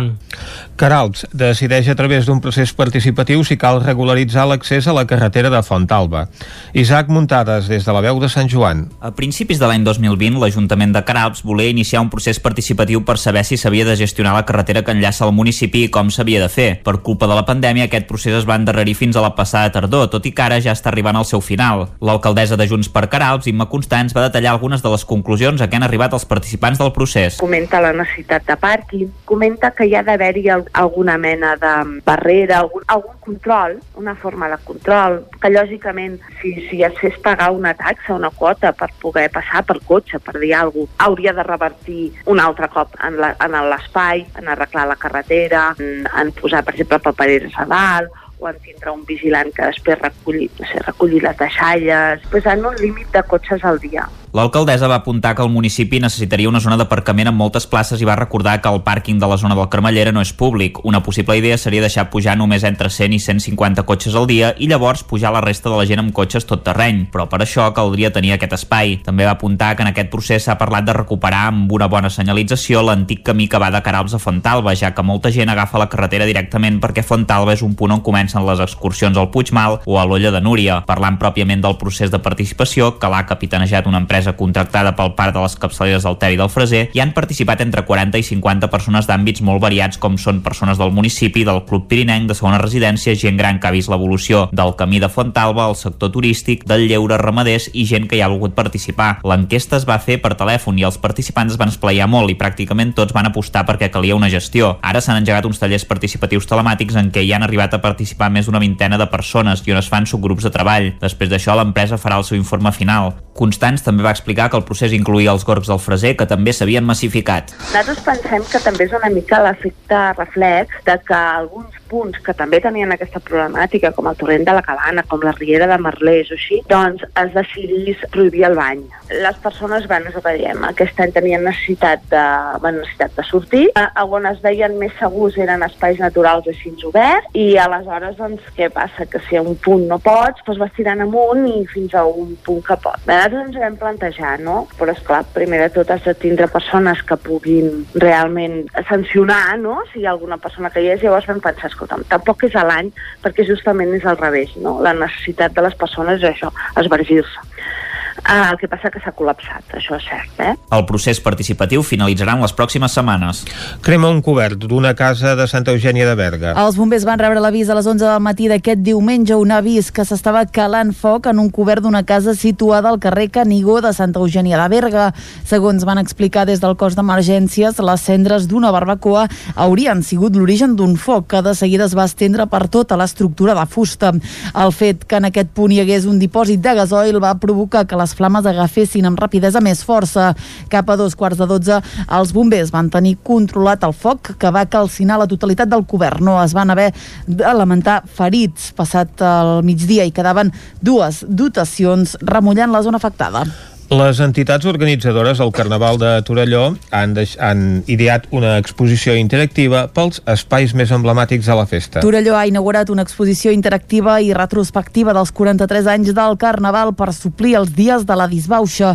Es va inaugurar aquest dijous al vespre a l'hora en què havia d'haver començat el pollasso i es podrà veure fins aquest diumenge. Xavier Lozano és el regidor de Cultura de l'Ajuntament de Torelló es van plantejar diferents alternatives i finalment doncs, les entitats que al cap i a la fi són els protagonistes d'aquests actes i que organitzen tota la festa doncs van decidir que no es podia dur a terme eh, no durarien a terme cap eh, acte festiu i que es dedicarien els esforços doncs, a, a crear material, a documentar eh, fer un esforç de divulgació també de, de què és el Carnaval i és el que, és el que s'ha fet. L'exposició que anomenen Carnaval de Portes Endins està repartida pels espais més emblemàtics de la festa, com ara la passarel·la de Senyoretes. Marc Tienda és membre d'acte i Meritxell Vinyes de l'Associació Cultural de Xeples de Sant Feliu. Ara estem a la plaça Germà Donat, és, que és on, on comença el Pollasso, però també podem veure eh, exposició a la plaça de la Sardana, que és on comença la Rua, o a la nau de Carrossaires, no? Una mica repartida en els punts més emblemàtics de Rua, en els punts més emblemàtics d'aquests quatre dies de disbauxa. Com que jugàvem a fer, un, diguéssim, una exposició interactiva i vam dir la passarel·la ha de ser sí o sí i a través de que la gent, la, quan la gent travessi, doncs que tingui la sensació que viatgen el temps. Hem ficat plafons al costat i a banda i banda hi ha imatges de les, de les senyoretes dels, durant els últims 37 anys D'altra banda, aquest dissabte el Nou TV es va estrenar el documental Carrossaires, la màgia de terra endins. També preparen una websèrie, propostes per poder sentir una certa manera eh, l'olor de Carnaval després que la pandèmia hagi obligat a suspendre'l per primer cop a la història. I fins aquí el butlletí informatiu de les 10 del matí que us hem ofert amb les veus de Vicenç Vigues, Clàudia Dinarès, David Auladell, Caral Campàs i Isaac Muntades. Ara el que farem és una breu pausa i de seguida ens capbussem amb els solidaris, amb l'Eloi Puigferrer. Anem-hi. Territori 17. Envia'ns les teves notes de veu per WhatsApp al 646 079 023. 646 079 023. WhatsApp Territori 17.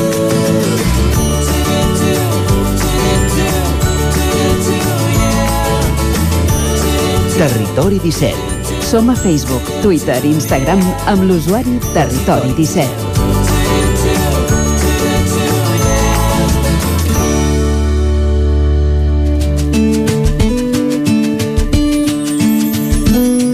Solidaris, amb Eloi Puigferrer.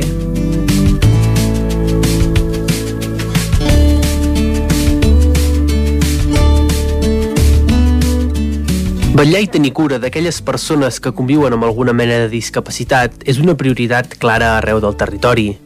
En les darreres setmanes, la cerca d'entitats solidàries ja ens ha descobert dues organitzacions que centren la seva acció en aquest objectiu, la Fundació MAP del Ripollès i la Fundació Els Avets del Moianès. El nostre recorregut segueix el seu camí cap al sud i aquesta setmana ens toca fer una parada al Vallès Oriental, concretament a les Franqueses, on avui, des de Ràdio Vic i a través de l'antena de Territori 17, coneixerem la Fundació Apadis. La Fundació i Associació Apadis va néixer l'any 1998 per donar resposta a una necessitat clara, apropar el lleure i l'oci a aquelles persones amb diversitats funcionals. D'aquella primera espurna ja en fa 22 anys, i amb el pas del temps, la Casa Padis ha anat guanyant més i més pes fins a arribar a superar els 130 usuaris que té actualment. Però tot i haver-se establert com un referent, segueix sent una família com era al començament. L'Imma Navarro, actual presidenta de la Fundació, recorda el començament de tot el projecte, basat en l'amistat i la cooperació. Érem, doncs, bueno, sempre dic que de manera col·loquial i així amb carinyo, érem quatre hippies que volíem començar a fer coses, no? Perquè tots havíem tingut algun conegut o company doncs, que tenia discapacitat, que era major d'edat i que, per tant, doncs, es quedava a casa esperant que algú el truqués, no? I llavors, doncs, amb, amb aquesta petita iniciativa va començar doncs, a, a la incorporació de, de persones amb discapacitat adultes, principalment, que doncs, eh, nosaltres ens encarregàvem de dinamitzar les activitats. Per tant, l'inici va ser amb el lleure i, i l'inici va ser doncs, d'una doncs, manera molt, molt informal. Vetllar per la inserció laboral, l'educació o la igualtat d'oportunitats són en molts casos el centre d'atenció de moltes fundacions. En el cas de la Fundació Padis, però, el centre de tot va ser el lleure, un aspecte que, segons Navarro, moltes vegades es deixa massa de banda en aquests casos. Sí, està, està molt despreocupat perquè el fet de que sigui un àmbit de lleure, sempre no, hi ha com la reflexió de, o, o, o l'estereotip de dir, bueno, els treuen a passejar i, no, i, i fan coses. I en canvi, realment, um, la valoració fins i tot del monitor, eh? vull dir que, que quan ja parles de, de què és entre setmana i que és un àmbit formatiu, educatiu eh, o terapèutic, eh, no? sembla que la cosa està com més estructurada. Però quan passem a l'educació informal, i veus que són monitors i que els monitors són psicòlegs o són mestres, vull dir que són persones totalment capacitades i en formació. L'àmbit del lleure mmm, no ha tingut mm, aquest suport que a vegades a nivell legislatiu i tot això fins i tot queda eh, agafat amb, amb pinces, però en canvi és en el lleure que la persona tria que la persona gaudeix i que la persona deixa d'estar eh, institucionalitzada. No? És un espai on se'ls respecta si tenen parelles, és un espai que se'ls respecta les activitats que puguin triar i, i aquí dins passen moltes, moltes coses, eh? moltes, moltes coses que es treballen i de, i de molts àmbits diferents. Per tant, sí que és cert que malauradament l'àmbit del lleure doncs, eh, no està valorat com hauria de fer. Malgrat trobar els seus orígens en el lleure i l'educació informal, en els seus 22 anys de vida, la Fundació Apadis s'ha anat fent més i més gran, abarcant molts més àmbits de treball, que es reparteixen entre diferents branques dins la mateixa casa Apadis. La directora ens ho explica. La Fundació eh, té, té encara, després de, de 20 anys, 21 ja, eh, té, té un caire de, de família, és veritat, eh? Vull dir, però dins de tot és, a nivell organitzatiu eh, s'estructura de diferents maneres. APADIS és una fundació i és una associació. Què és el que fa l'associació? Pues el que hem comentat abans. Tot el que són les activitats de lleure caps de setmana, totes les activitats que fem a les tardes, des d'informàtica, balonmano, bàsquet i tota l'atenció a les famílies. I després la Fundació, doncs, que comparteix també usuaris i la missió i la visió, la Fundació el que fa és formar, sobretot perquè les persones amb discapacitat puguin anar a treballar. I què ens hem inventat a PADIS sense subvencions i sense suport? No? Ens vam adonar que per, per inserir a persones amb discapacitat a l'empresa eh, calia anar més enllà. Per què? Perquè no podies treballar a l'aula què significa l'estrès laboral o com t'has d'organitzar o quina eficiència es necessites. Eh, eh, englobem, en realitat englobem totes les etapes de, de, de la persona amb discapacitat però totes es fan a través d'això, de, de la diversificació de què és associació i què és fundació, no? però al final tot és la Casa Padis. Tot i no haver estat el centre i l'origen de tot, el vessant laboral ha acabat agafant un pes molt important en el si de l'entitat, que actualment ja regenta diferents establiments i negocis que permeten treballar fora de l'aula i tastar, de primera mà, l'experiència al món laboral real, Navarro fa recompte de tots aquests projectes, que ja són bastants i que ja han portat resultats molt positius. Vam començar amb una botiga de segona mà, un espai que ens van deixar, la gent ens portava coses que ja no volia i per tant aquella botiga era un escenari d'aprenentatge. Què servia? Pues que hi havia interacció amb els clients eh, hi havia una, un sentiment comunitari, no? perquè tothom et portava coses que ja no feia servir i, i a més a més èticament no? era una reutilització. I va ser el primer projecte amb el que ens vam engrescar no? de, de cara a serveis. I després va venir el Gato Verde, que és el restaurant social que tenim actualment a dins de l'Auditori de Granollers, eh, i, i altres projectes com el Felicitarium, que és un quiosc on en venem revistes i diaris, no? I tots aquests projectes al final doncs, el que fan és, és, és una formació sistèmica i general i des de fa 17 anys eh, estem molt contents doncs, que des d'aquell de, any cinc persones no, van ser els primers en treballar a l'Hospital de Granollers gràcies a aquesta metodologia del treball amb suport. Llavors ara tenim nois treballant al Decathlon de Mollet, tenim nois treballant al Burger King i hi ha diferents uh, empreses d'aquí de la zona. La feina que fa la Fundació Padis en tots els negocis que regenta és per tenir en compte i moltes persones que els visiten valoren molt positivament la labor feta pels seus usuaris. Però malgrat això, no sempre és fàcil tirar-los endavant i menys en sectors com el de l'hostaleria, on hi ha molta rotació i moviment, com explica la directora. Ja, ja nosaltres, no, a nivell professional, quan ens vam engrescar a muntar el restaurant El Gato Verde, és quan descobreixes eh, el món de l'hostaleria i, i la gran complicació.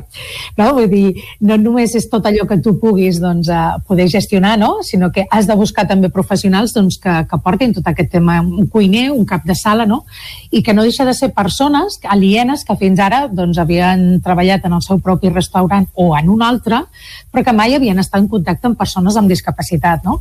I aquí va ser doncs, bueno, quan hem vist que el món de l'hostaleria és complicat, és complicat, no?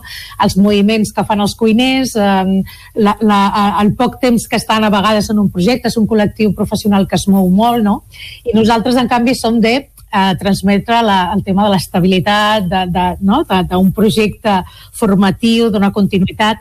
I llavors això ha sigut doncs, el que potser doncs, ens ha generat doncs, que els professionals doncs, tinguem que tenir coneixements de tot. Aquests impulsos d'emprenedoria social, però, no farien falta si des de les empreses s'apostés per contractar persones amb diversitat funcional per compte propi.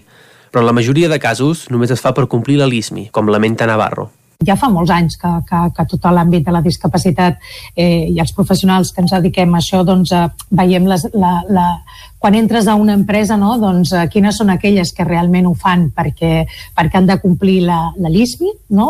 quines són aquelles perquè és una petita empresa que al final sí que decideix incorporar una persona i que bueno, i provar a veure què tal l'experiència però tot i que fa molts anys que això està treballat, la metodologia de treball amb suport, no? eh, on tu li dones a l'empresari totes les facilitats del món, ell no ha de pagar res, eh, tu estaràs allà fent la formació a aquesta persona amb discapacitat, facilitem que hi hagin unes pràctiques perquè després puguin valorar doncs, si aquella persona ha complert no? amb, amb els objectius que teníem d'inserció, però és bastant complicat, eh, sobretot a nivell del, de, del que és la discapacitat intel·lectual, i la malaltia mental, no?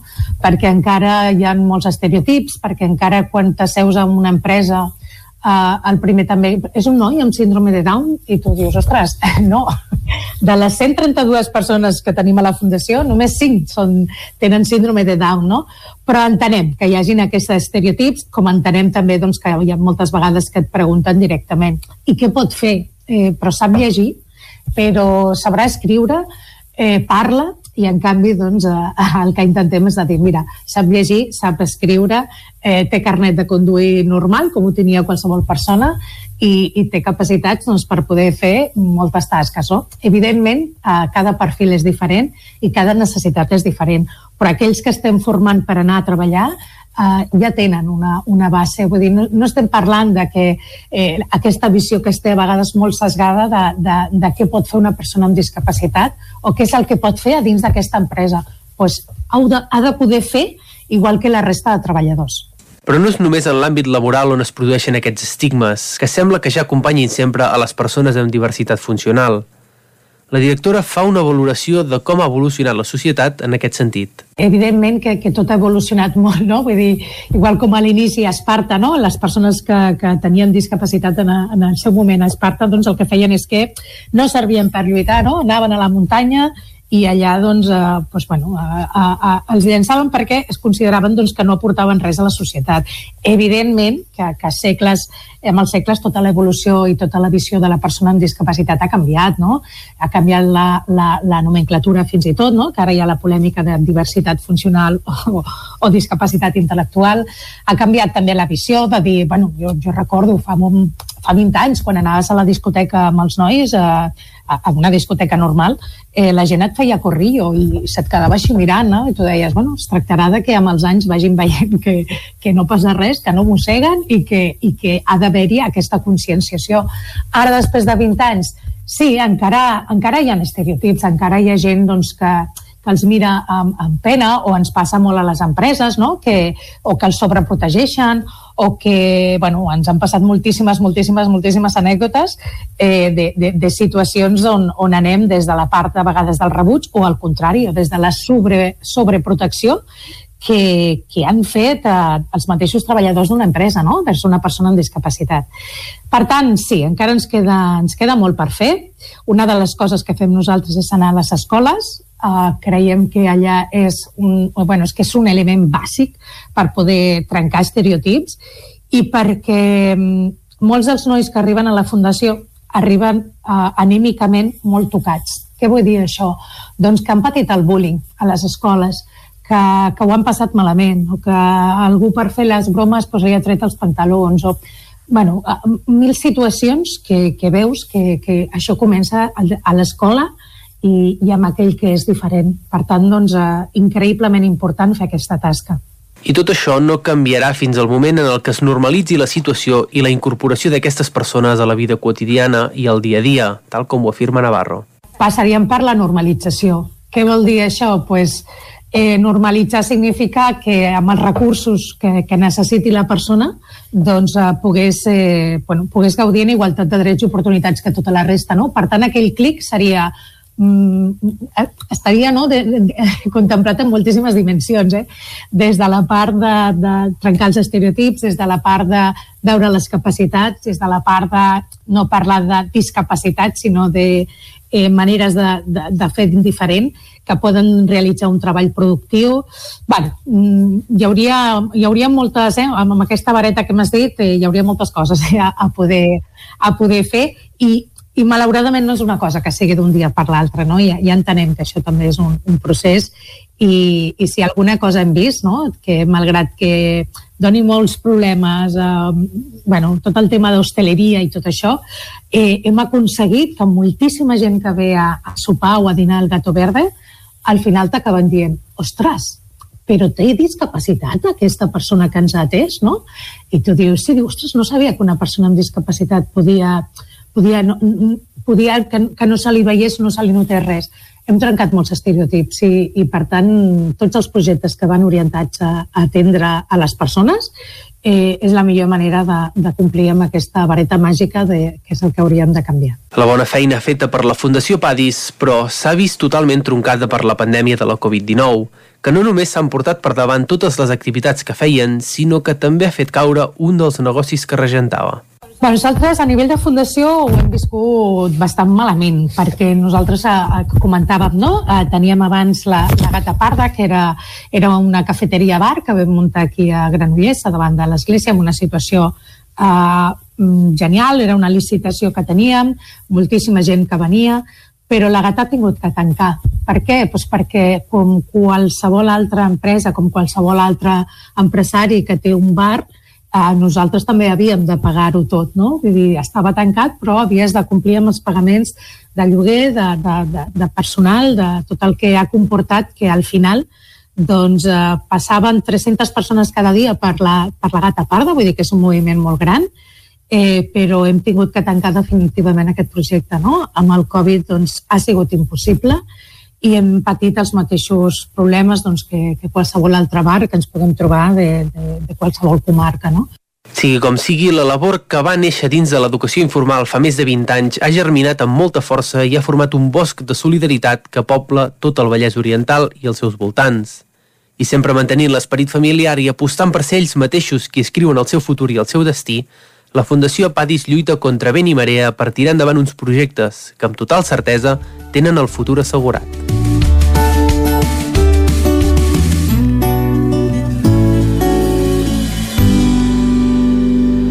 Territori 17 doncs aquí acabem els solidaris amb l'Eloi Puigferrer i Vicenç encara ens queda tec, eh? perquè eh, de seguida parlarem amb Teresa Jordà, que encapçalava la llista d'Esquerra Republicana a les comarques de Girona. Exactament, analitzarem els resultats d'aquesta nit electoral i quin escenari es presenta a partir d'ara la política catalana. Correcte, això ho farem de seguida. Ara, però, una breu pausa i tornarem a dos quarts en punt, repassant també els resultats electorals al nostre territori. Fins ara. El nou FM, la ràdio de casa, al 92.8. Són temps de reptes. A la Fogonera n'hem aconseguit tres. Servir arrossos d'estrella per emportar i a un preu de justícia. Aquest hivern tenim l'arròs de calçots amb tempura. La Fogonera, la rosseria de paelles per emportar gurb i que també et portem a casa. Telèfon 93 851 55 75 i a lafogonera.cat. I quan cau la nit, Pupurri Culinari, solucions per sopar les nits de divendres i dissabte. Entra a pupurriculinari.cat i tria. Cobertes serveis funeraris Els nostres tanatoris estan ubicats en els nuclis urbans més poblats de la comarca d'Osona per oferir un millor servei. Tanatori de Vic, Tanatori de Manlleu, Tanatori de Centelles i Tanatori de Roda de Ter. Sabem que són moments difícils i per això el nostre compromís és atendre-us en tot moment amb un tracte humà, sensible i respectuós. Cobertes serveis funeraris. Telèfon 24 hores 93 883 23 46. Cocodril Club. Si t'agrada la bona música dels anys 60, 70 i 80, escolta el 9 FM els matins de dissabtes i diumenges d'11 a 1.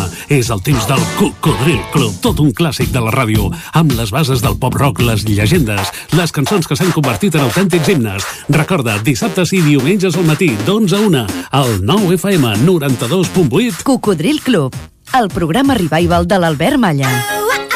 Hasta luego, cocodrilo. Anuncia't al 9FM. La màquina de casa. 9 3 8 8 9 4 9 4 9. Publicitat arroba al 9fm.cat. Anuncia't al 9FM. La publicitat més eficaç. A Vic, T52, un taller d'emocions.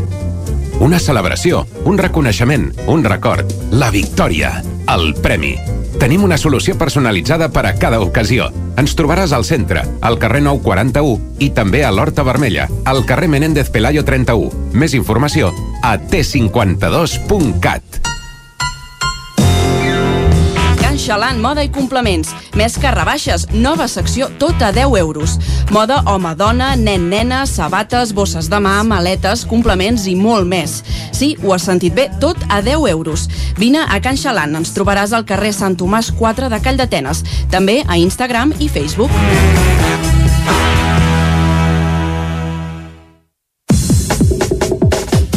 La ràdio de casa al 92.8. El 9 FM.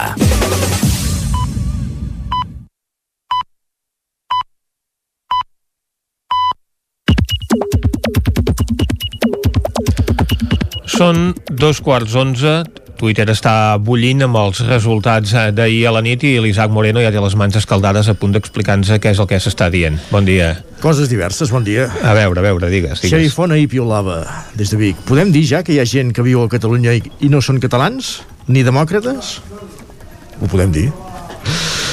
Esther Pujol, editora manlleuenca, diu Dos apoderats de Vox mentre fèiem cua. A esta hora vienen muchos catalanes, us ho juro. De fet, Així s'ho posa en evidència. Exacte.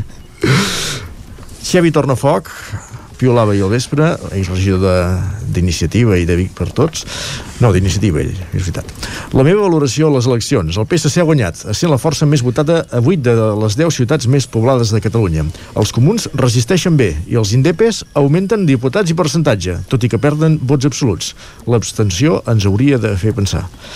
Uh, deuen perdre vots absoluts tots, no? Uh, bé, menys els socialistes, Uh, la CUP està per allà, per allà, però efectivament hi perden tots i les circumstàncies també són les que són. Mai s'ha votat en plena pandèmia, per tant no podem homologar els resultats d'aquestes eleccions en qualsevol altres. Des de Torelló, Gemma Carretero, que sí, que sí, que ho heu fet tots molt bé, sou els millors i els altres són uns merdes. Mentrestant, al món real hem viscut unes eleccions imposades amb una campanya electoral lamentable en què s'ha tractat els electors com si fóssim imbècils. Pim-pam. Uh, Iñaki Escudero, des de l'òrbita de- d'Esquerra Unida, des de Vic. ¿Y qué? ¿Nadie va a comentar el efecto Tony Cantó? A ver si se pasa rápido a Vox y comienza su hundimiento. I aquí hi fa un paral·lelisme, diu UPyD, Ciutadans i punts suspensius. És la, la trajectòria. Continuem amb...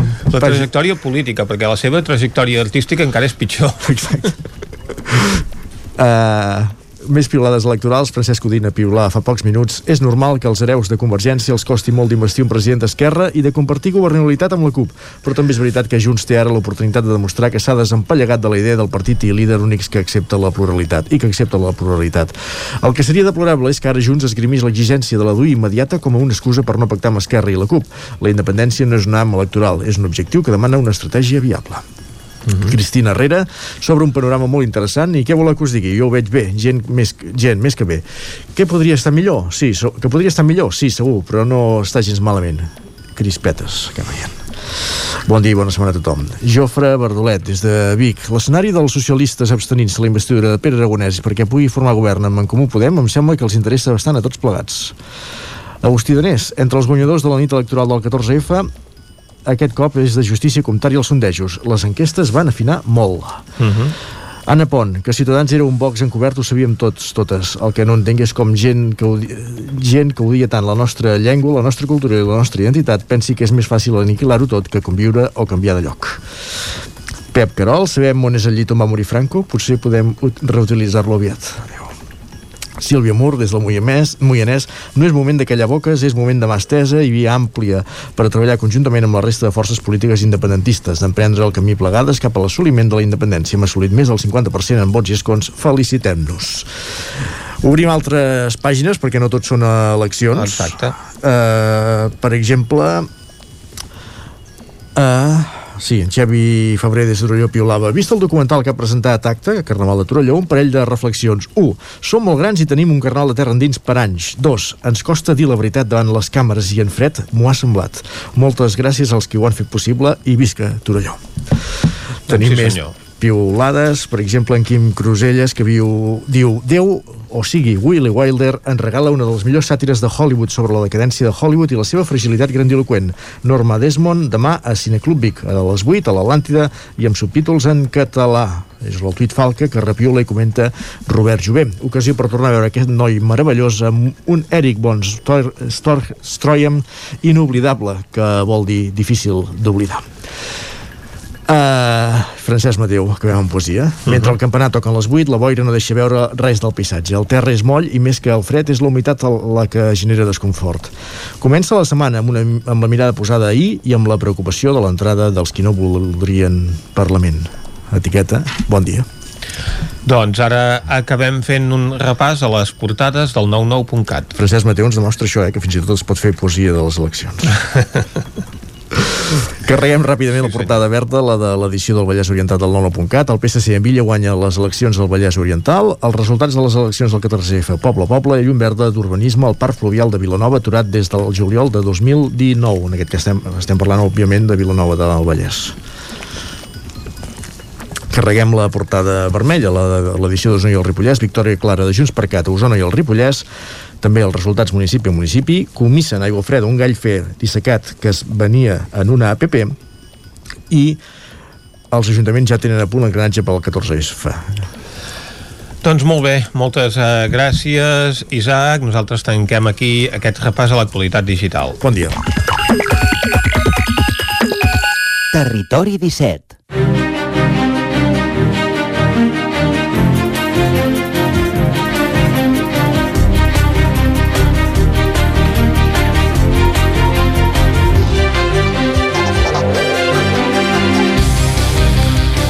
Arriba l'hora de la taula de redacció. Avui és dia d'analitzar els resultats electorals. Això ens dedicarem als propers minuts de programa. I en primer lloc el que volem fer és anar a Caldes de Montbui, perquè allà precisament doncs, es va produir una de les anècdotes de la jornada electoral. Caral Campàs, bon dia. Hola, bon dia. Doncs eh, sí, una, una anècdota que va tenir bastant recorregut a, a xarxes i a, i a diferents mitjans i us explico una mica què va passar. Uh -huh. Els fets van succeir um, abans de les 9 del matí, uh, poc abans de que quedessin constituïdes doncs, totes les meses a Caldes, que en general doncs, van a bé, però concretament al col·legi electoral uh, que hi havia a la Sala Noble de Can Rius, que és un nou espai que substituïa l'escola Bressol La Lluna, doncs el president d'una de les meses es va, es va presentar i va reclamar um, un EPI uh, de la seva talla, que, que era una talla més gran que una XXL.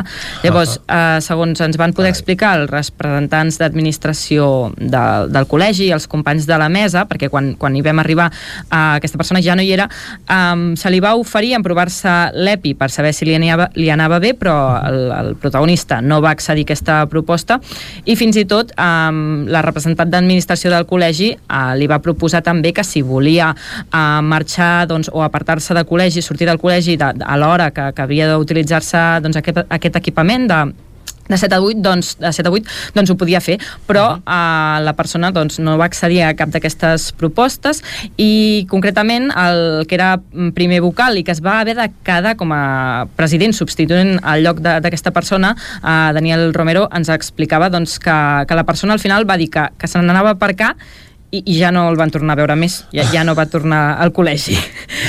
Llavors... Aleshores, eh, algú el va haver de substituir.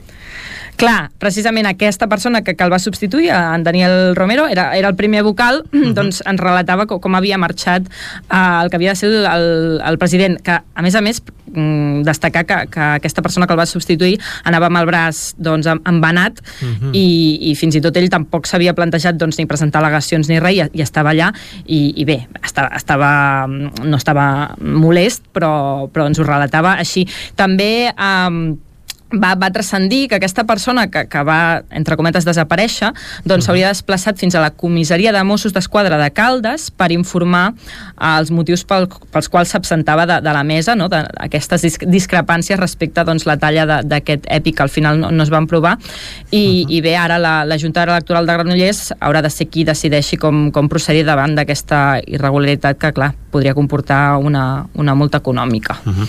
I en aquesta zona de la Junta Electoral de Granollers com han anat els resultats? Doncs mira, els resultats eh, es, es reflecteixen, el mapa general català es reflecteix al Vallès Oriental amb el PSC i Salvador Illa com a guanyadors. Illa es va endur el 24,02% dels vots al Vallès Oriental, eh, concretament es va endur poc més de 83.500 vots de, dels vallesans per sota d'Esquerra que va aconseguir eh, gairebé 35.900 vots, que és un 22,3 37%, i també comentar que com a nivell global, igual que com a nivell català, la participació també ha descendit a la comarca. Ahir la participació va ser eh, d'un 47,48%, 23 punts menys que el 2017. Molt bé, doncs moltes gràcies, Caralt. A vosaltres. Anem ara nosaltres a repassar amb la Natàlia Peix com ha anat aquesta jornada electoral a Osona, on l'independentisme s'ha reforçat. Exacte, bon dia. L'independentisme que acumula més del 75% dels vots a Osona eh, en unes eleccions, aquestes eleccions del 14 de febrer, que també constaten eh, que Junts per Catalunya, després de la separació amb el PDeCAT, doncs, eh, és la força amb més suports a la comarca d'Osona.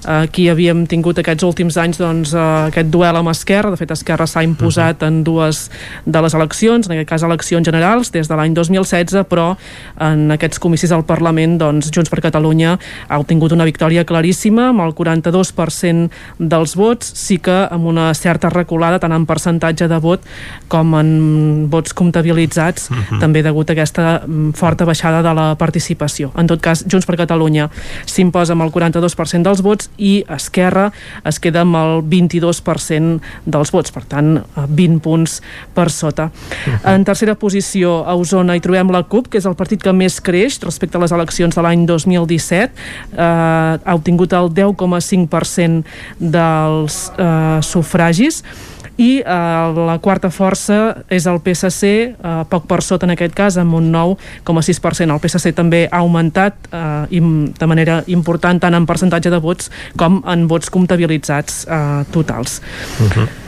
Per darrere del PSC, cinquena posició pel PDeCAT, eh, aquesta formació que no ha obtingut representació parlamentària, eh, a Osona és la, la cinquena, eh, amb el 3,7% dels vots i per darrere del PDeCAT hi trobem Vox eh, una de les altres notícies d'aquesta jornada electoral és la irrupció d'aquesta formació d'extrema dreta al Parlament i que en el cas d'Osona doncs, se situa com a sisena força més votada amb el 3% dels vots. Per darrere hi ha en Comú Podem que té el 2,8% i Ciutadans que en les eleccions de l'any 2017 eh, s'havia situat al podi, havia estat la tercera força més votada a Osona doncs també pateix una forta, uh -huh. claríssima eh, patacada a la comarca d'Osona respecte a l'any 2017. Eh, llavors va tenir doncs, eh, més de 10.800 vots i aquesta vegada s'ha quedat amb 1.099 i l'1,6% dels vots. I per darrere de Ciutadans al PP amb 760 vots, que són l'1,1%. Uh -huh. Un últim apunt a nivell de resultats, el PNC, que tenia la bigatana Marta Pascal com a candidata a la presidència, la també usonenca Rosa Oriols de número 2, doncs s'ha quedat amb un 0,27% dels vots a, a Osona, a 181 en total. I pel que fa a la participació, doncs ho comentàvem, és la xifra més baixa a Osona en unes eleccions eh, catalanes. Eh, es va quedar eh, molt a prop del 60%, però no hi ha arribat, de fet, és el 59,9% en aquests comicis eh, l'any 2017, en un rècord per la part alta, doncs s'havia superat el 85% dels vots. I pel que fa a diputats usonencs que ja sabem que seran al nou Parlament, uh mhm. -huh. segur, hi ha Anna R de Junts per Catalunya, Marta Moreta i Ramon Espadaler de la coalició PSC Units per Avançar i Marc Parés d'en Comú Podem, caldrà veure si amb la formació de govern doncs, hi acabaria entrant algú altre, com per exemple Margarida Feliu de d'Esquerra Republicana. D'acord, doncs uh, moltes gràcies Natàlia. Nosaltres anem ara a parlar precisament amb un d'aquests diputats que serà al Parlament.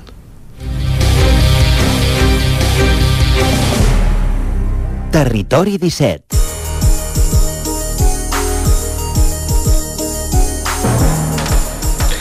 Quan falta un minut i mig per tres quarts d'onze, nosaltres doncs, continuem parlant d'eleccions, d'aquesta jornada electoral que es va produir ahir. Esquerra Republicana de Catalunya en va sortir reforçada perquè en aquestes eleccions, tot i que van veure com el PSC el superava en vots, els republicans van guanyar un diputat, empaten a 33 escons amb els socialistes i aconsegueixen per fi el sorpasso sobre Junts per Catalunya en uns comicis autonòmics. Per tant, els republicans tenen la clau per decidir com volen avançar cap a la independència. D'això en volem parlar des de la veu de Sant Joan. Allà ens n'espera l'Isaac Muntades. Bon dia. Bon dia, Vicenç. Doncs sí, avui tenim amb nosaltres al telèfon a la flamant diputada al Parlament de Catalunya i consellera d'Agricultura que anava de número 1 per Girona, la Teresa Jordà, amb qui volem doncs, valorar els resultats que es van produir el, ahir al vespre. Bon dia i moltes gràcies per atendre'ns, Teresa, perquè sabem que ha estat una nit llarga i heu dormit poc. Ah, hola Isaac, no, no, no, això de flamant m'ha agradat molt, eh, qualsevol diputada per primera vegada al Parlament de Catalunya, que no, no, no he estat mai, mm. uh, però bueno, gràcies, ha estat una presentació bonica, gràcies. Primer de tot, Teresa, l'independentisme ha superat el 50% dels vots per primera vegada en unes eleccions al Parlament, però per formar doncs, govern caldran pactes. Quins són els socis prioritaris? No sé si heu mantingut ja alguns contactes en aquestes primeres hores de, després de la ressaca electoral. Uh, segurament que no, eh? Jo en qualsevol cas no, eh? Més enllà de, de, de felicitar els, els, els companys i perquè crec que ho has posat tu de manifest, no? Uh, el valor és que el 50% que rebassem per primera vegada a la història, el 50% del vot independentista al nostre país en unes eleccions rares, estranyes, anòmales, complicades i en una situació eh, flagrant, eh, fruit d'aquesta pandèmia i d'aquesta crisi. Però hem superat aquest, aquest eh, aquest llindar que era importantíssim davant d'una operació d'estat eh, tramposa eh, i en fi, no tots els objectius que hi poguessin posar i evidentment que no, no seran sortit. Eh, dit això, eh, nosaltres ho hem dit molt clarament, volem, volíem eh, que l'independentisme arrasés i passés aquest 50% i volíem que ho liderés eh, Esquerra Republicana i que es liderés des de les esquerres. I això és el que ha. Tenim 74 diputats independentistes eh, i eh, les esquerres lideren eh, d'una manera molt clara eh, aquest bloc. A partir d'aquí, aquesta és la nostra prioritat, un govern fort, eh, eh, independentista i sobretot de grans consensos. Eh? I quan dic grans consensos parlo de que ara en aquests moments el Parlament tindrà 82 diputats a favor de l'amnistia i l'autodeterminació, que això per nosaltres és clau. Nosaltres som aquells de la via àmplia de treballar, treballar, treballar, treballar per sumar. De fet, fixeu-vos eh, que uh mhm. -huh. sempre ho hem dit, no? L'independentisme ja no va de manllevar quatre vots eh, a uns o a altres, va de buscar nous vots, no? I aquesta feina, que a vegades doncs se'ns ha pogut ridiculitzar, jo crec que s'ha posat també molt de manifest, no? Hem aconseguit un diputat més per Barcelona, això vol dir que en molts llocs on eh, no hi eren presents o va costar molt que hi fossin presents, l'independentisme, en aquest cas, sota les sigles d'Esquerra Republicana, està en segona posició, en algun lloc, en alguna ciutat inclús en primera posició, i això a mi m'enorgulleix molt perquè això vol dir que anem pel bon camí, que cada cop som més i que, que això és l'important, per tant. A partir d'ara, a, a treballar per, per construir aquest govern fort, perquè hem de reconstruir el país i hem d'abraçar abans que més tard la, la república, per tant això vol dir molta feina prou consignes segurament màgiques i més feina. Esquerra, com diu, va pel bon camí perquè ha aconseguit doncs, eh, superar a Junts per Catalunya en les eleccions al Parlament, ho havia fet doncs, amb altres eleccions europees o amb eleccions generals, tant a Convergència com al sector postconvergent per definir-ho d'alguna manera eh, Junts per Catalunya doncs eh, prometia que declararia la, la, que activaria la DUI si se superava el 51% dels vots. No sé si amb Esquerra hem d'apostar més per una taula de diàleg amb l'Estat. En quina situació queda ara tot plegat? Doncs hem de treballar.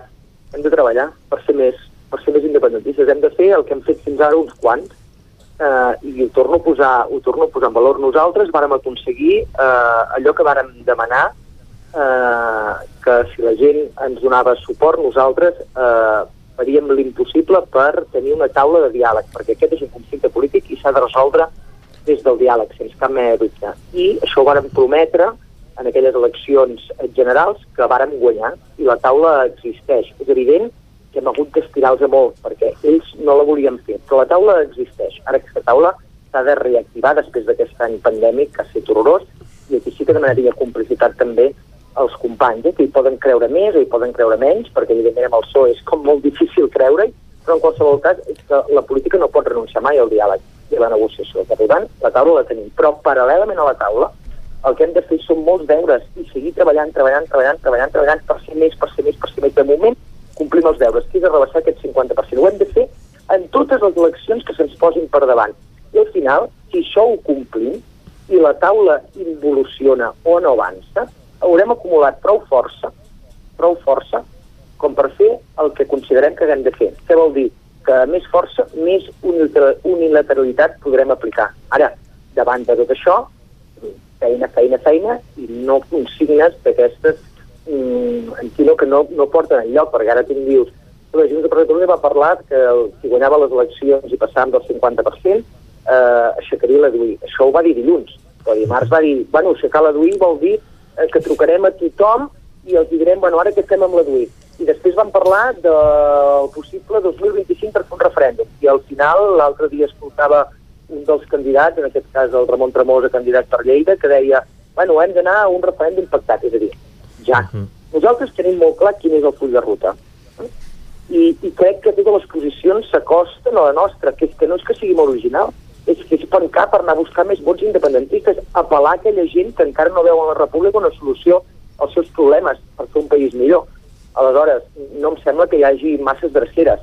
El secret és treballar i fer d'aquest projecte un projecte més gros i més musculat per guanyar definitivament, perquè això no va de declarar la, declarar la independència en 8 segons. No, mm. ha de declarar-la per tota la punyetera vida, deixa'm dir així, no?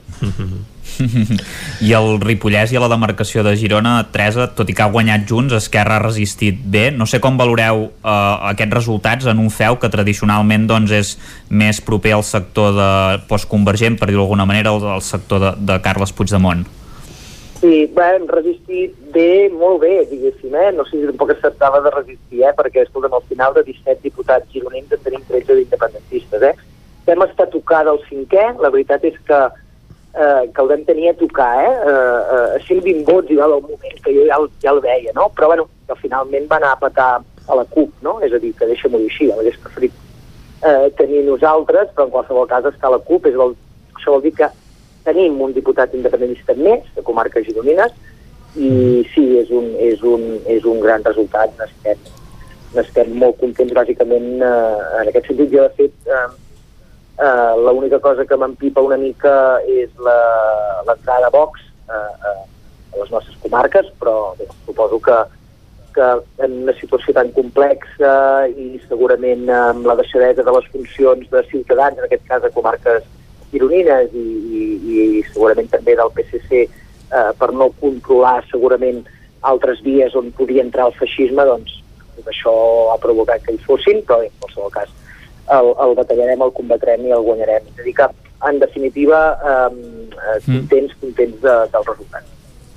I ahir ho anunciava Pere Aragonès, Teresa, que la seva intenció és presentar-se a la investidura, però també va dir que ho faria Salvador Illa. Ara hi ha empat amb escons, però en vots guanyen els socialistes, però sembla que Esquerra, a priori, doncs, eh, té més suport. No sé si veus a Pere Aragonès eh, ja de president. Eh, des d'Esquerra no entendríeu un altre escenari? El nostre presidenciable es diu eh, Pere Aragonès, és el guanyador clar de, de, la, de les forces independentistes, sense cap mena de dubte, i en qualsevol cas el senyor Illa, que empaten escons amb nosaltres, doncs, eh, igual que qualsevol altre candidat, pot eh, presentar la seva candidatura i es tracta doncs, de, de que trobi més, més avals i ja està, i al final és el Parlament qui vota, però en qualsevol cas nosaltres contents perquè la nostra missió era aquesta, eh? era eh, arrebatar el 50 més del 50% de vots independentistes i liderar-ho des d'Esquerra Republicana. Uh, és a dir, jo crec que està tot com molt dit, no? La participació respecte al 2017 ha caigut en gairebé 30 punts. Esquerra ha perdut uns 330.000 vots, però és que Junts n'ha perdut gairebé 400.000. La baixa participació ha estat més per culpa de la pandèmia, perquè aquelles eleccions del 2017 eren excepcionals i la gent es va mobilitzar doncs, d'una doncs, forma com mai s'havia vist, és culpa també de la desafecció política que s'està vivint? Jo crec que aquí hem de fer uh, autocrítica tots. Eh? La, la gent està molt cansada. Està molt cansada. Bàsicament, uh, la pandèmia ha jugat un factor, un factor clau, evidentment, i emocionalment estem tots molt tocats. Aquestes eleccions és evident que no tocaven en aquest, en aquest context pandèmic i també és evident que van ser molt forçades i no m'allargaré en aquest sentit perquè hi havia una operació d'estat darrere que evidentment ha fracassat com no podia ser d'altra manera mm, és a dir, que molta gent jo crec que s'ha quedat a casa una mica per tot, pel cansament i també, doncs, bueno, perquè, escolta, hi ha molta gent eh, doncs, que està en quarantena, hi ha gent que, que està patint, hi ha gent que no ho tenia clar, i malgrat va anar molt bé i els protocols van ser fantàstics i jo crec que s'havia treballat i vam demostrar que s'havia treballat molt des del govern, doncs eh, una cosa va anar lligada amb l'altra. I també una part de desafecció perquè estic convençudíssima que aquests vots que s'han quedat a casa independentistes, eh, que se n'han quedat a casa de tot arreu, eh, unionistes també, és obvi. Eh, home, doncs en part també és per, per, per, per la fatiga, pel cansament, perquè l'independentisme porta molt temps eh, batallant, perquè hi ha hagut frustracions, eh, però malgrat tot estem, estem forts, no? És a dir, que, escolta, si algú lliurement ha decidit descansar i mirar-s'ho des de la barrera, jo no, no, no, no puc, no puc eh, diguéssim, alegrar-me'n, no? perquè el, el dret a vot per mi és fonamental i sempre, sempre que hi ha una urna ens hi hem de tirar de cap. Però, però els resultats avalen aquest, aquest, aquest més de 50% i això eh, em fa molt feliç i no només em fa molt feliç, sinó que tinc claríssim que, que això és un roc, que no hi ha marxa enrere i que cada dia som més malgrat aquesta situació tan difícil que viu, que viu el nostre país eh, dins d'aquesta pandèmia i també fruit, repeteixo, d'aquests anys convulsos. Mhm. Durant aquest temps eh, que heu governat junts, eh, Esquerra Republicana i Junts per Catalunya, s'han demostrat eh, desavinences. Eh, què cal fer per recosir ferides? És clau que es faci un, una espècie de front unitari? És clau que, que tots tornem a, a, a, a la política diguéssim, eh? Uh, al final, repeteixo, jo crec que no hi ha dreceres màgiques. L'1 d'octubre va ser una victòria incontestable de la, de la societat catalana, però ens va tocar molt emocionalment a totes i a tots. Uns varen fer una reflexió, mm, deixo-m'ho dir així, més serena, en el sentit d'escolta'm, eh, hem fet coses molt bé, que ens han portat aquí, és, va ser la manifestació més gran de l'Europa occidental del segle XXI, la vam fer els catalans i catalanes, tots organitzats, vam fer coses de meravella, però també n'hi va haver que no vam fer prou bé, o inclús alguna que ni tan sols vam fer. I d'això n'hem de fer un aprenentatge, perquè eh, és com tota la vida, si no prens d'allò que no vam fer bé, o si no vols millorar, és difícil al final aconseguir allò que et proposes, no? Llavors, nosaltres vam ser molt ràpids en fer-ho, eh, amb dolor, òbviament, eh, perquè tenim gent a la presó, perquè aquest país té 3.000 encausats, perquè tenim gent a l'exili, però vam tenir clar que el que hem de fer és maximitzar aquestes fortaleses, hem de minimitzar les debilitats i hem de fer-nos més forts. I, I ho estem aconseguint, és l'única manera, no? Uh, llavors passa, passa tot, tot, tot, tot per aquí, no hi, ha, no hi ha dreceres màgiques. Jo crec que Junts per Catalunya ha anat vinguent a les nostres tesis, sí que es van atrevir a calendaritzar i a dir que si passàvem del 50% faríem una DUI, però això no ho aguantava. Això no ho aguanta res, perquè no té cap sentit. Dir, jo m'entenc, no, la declaració d'independència per guanyar-la l'hagués fet vull dir, abans d'ahir, per entendre'ns, però no, no va d'això i no podem crear frustracions. El que hem de fer és treballar tots. No? Doncs sí que és veritat que si tenim això clar, ens hem de marcar un horitzó. L'horitzó és fer un altre referèndum i guanyar-lo, i ser més, i agafar molta més força a nivell internacional, i ho estem fent. La lectura que avui fa la comunitat internacional de les eleccions catalanes és que l'independentisme no només cau, sinó que supera supera el 50% de vots independentistes. Estem més forts que mai, malgrat tot. No? Uh -huh. I jo crec que a partir d'aquí hem de ser tots molt sensats i perquè això ho devem a la gent, ho devem al país i, i, i caminar obcecat eh, per, per aconseguir la república abans que tard, perquè el país és evident que el necessita. Tot això ho hem de fer al costat de, de molts esforços per reconstruir aquest país en uns moments molt complicats, molt complicats, per tant, tot i tot alhora. I això vol dir treballar molt o treballar encara molt més, no?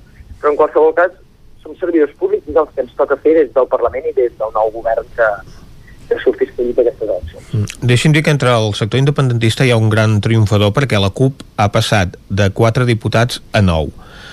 En aquest eh, context actual, ha d'entrar al govern peti qui peti? La CUP, eh, a mi m'agrada que la CUP sigui forta, eh? T'ho he de dir. Uh -huh. eh, perquè, perquè bueno, eh, evidentment, eh, si la CUP és forta i l'independentisme és fort, doncs tots som més forts i hi ha diferents visions, no? I, bueno, doncs al final eh, amb la CUP compartim eh, moltes coses, hi ha algunes que no, però n'hi ha moltes que sí, sobretot és una vessant social, no? Um, a mi m'agradaria, m'agradaria molt, eh? Uh, el que, i no sé què passarà, el que estic convençuda que passarà, però és que plegats eh, avançarem molt, plegats podem avançar molt. És aquí, aquí el que no pot haver-hi és cap bloqueig, sinó el que hi ha d'haver és treballar molt eh, per, trobar, per trobar el camí i les polítiques adequades perquè el país avanci en l'eix social i en l'eix nacional. I això estic convençuda que, que amb els companys de la CUP i amb una CUP més forta, doncs ho farem. I què li diran a Jessica Albiach d'en Comú Podem quan els truqui per dir-los que vol que reuneixin amb una taula amb el PSC per pactar un, un govern d'esquerres? Quina serà la resposta d'Esquerra Republicana? Que amb el PSC, ja ho hem dit per activa passiva, nosaltres som eh, dos partits absolutament antagònics que defensem dues coses absolutament antagòniques i que, que la Jessica això ja ho sap, diguéssim. I sobre la presidència del Parlament l'any 2017, eh, Teresa va ser escollit eh, Roger Torrent com a president de, de la cambra. Ara, en contrapartida, potser tocaria que la presidís algú de Junts per arribar doncs, a un acord a la presidència perquè Pere Aragonès eh, pugui ser president de la Generalitat? Bé, això forma part, entenc, de, de, de les negociacions eh, polítiques que una servidora en primera instància no, no, no, no les lidera. En qualsevol cas, bueno, fins ara ha estat així, ja ha tingut la presidència del Parlament, no ha tingut la presidència de la Generalitat, o diguem al revés, ja ha les eleccions, ha tingut la presidència de la Generalitat i el que no la presidència del Parlament, sempre que hi ha hagut un, un pacte entre aquestes dues formacions per, per govern. Si és així, és obvi que hauria de seguir sent així, eh, però veurem, veurem, no, no, no, no, no vull avançar-me amb res perquè no, no, no em pertoca, diguéssim, eh? però bueno, eh, Esquerra Republicana és, és un soci sempre molt fidel a allò que fa i amb què es compromet, no vol dir que sigui un soci fàcil de negociar, en el sentit de que, evidentment, eh, nosaltres hem guanyat aquestes eleccions i, i tenim molt clar que hem de ser un govern fort i, i que això passa per no deixar ningú enrere i això vol dir un seguit de polítiques que des d'Esquerra Republicana no hem amagat i que tenim molt clares, no? Però si trobem els encaixos, doncs, escolta, millor que millor, i, i a treballar, que és el que hem de fer eh, perquè el país, eh, diguéssim, ho necessita. Ahir la presidenta de l'ANC, Elisenda Pelusier, deia que ara és Esquerra Republicana qui li toca liderar el bloc independentista unit i que avanci cap a la independència. I està d'acord? Que li toca liderar Esquerra Republicana, sí, que hem d'avançar cap a l'independentisme i la independència també, sí, sí, sí absolutament d'acord. Uh -huh.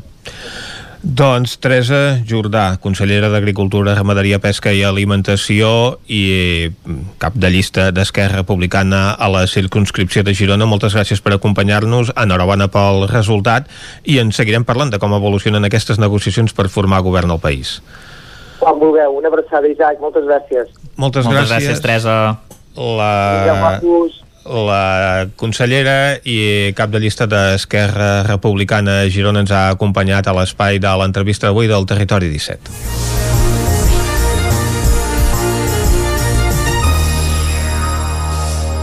I després de l'entrevista, el que toca ara, quan són les 11 i 2 minuts del matí, és acostar-vos de nou la informació de les nostres comarques, les comarques del Ripollès, Osona, el Moianès i el Vallès Oriental. Territori 17, amb Vicenç Vigues i Jordi Sunyer.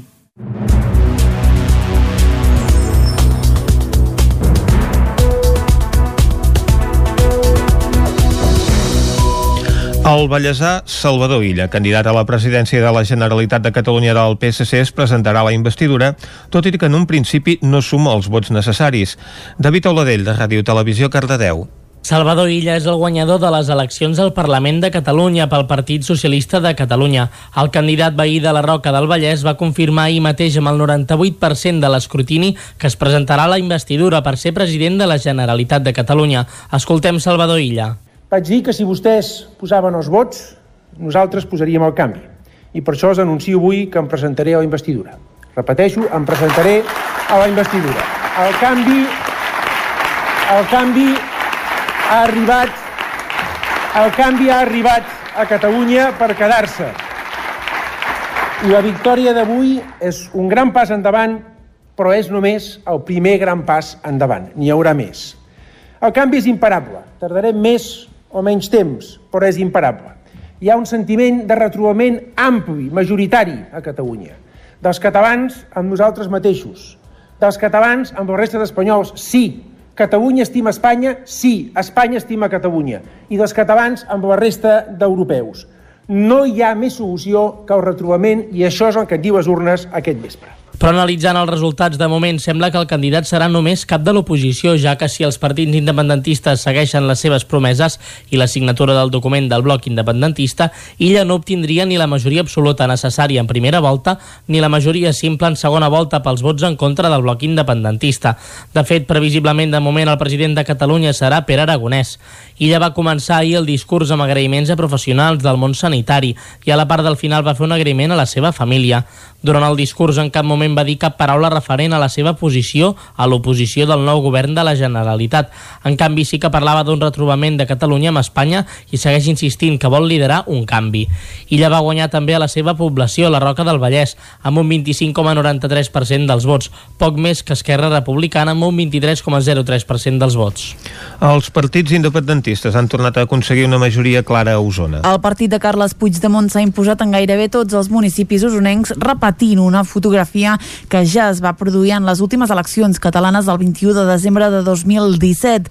Concretament, a Osona, Junts per Catalunya s'enfila fins al 42% dels vots, una reculada respecte a ara fa 3 anys de 4 punts que en cap cas destrona el seu lideratge respecte a Esquerra Republicana, que ha obtingut el 22,8% dels vots. En territori usonenc, la CUP, amb un 10,5% dels vots, és la formació que més creix respecte al 2017, mantenint la tercera posició que ja va assolir en les passades eleccions generals del novembre del 2019. Pel que fa al PSC, els socialistes també guanyen vots a Osona, situant-se com a quarta força més votada amb un 9,6% dels vots. El Partit Nacionalista de Catalunya, creat i liderat per la bigatana Marta Pascal, va obtenir 181 vots usonencs, el que representa un 0,27% dels vots totals. El col·lectiu de risc va ser el primer en acudir a les urnes aquest diumenge d'eleccions al Parlament. Respectant les franges horàries per anar a votar que ha establert per primera vegada i a causa de la pandèmia el govern de la Generalitat aquest diumenge, poc després de constituir-se totes les meses electorals, les cues ja es feien notar a l'escola Vic Centre. Els primers d'arribar van ser els col·lectius de risc, persones de més de 65 anys amb malalties cròniques o embarassades. Un col·lectiu que estava cridat de 9 a 12 tan bon punt obrissin els col·legis electorals. Trini Solà va ser una de les primeres a arribar. Ho va fer acompanyada de la seva neta, la Clàudia, que va poder votar per primera vegada.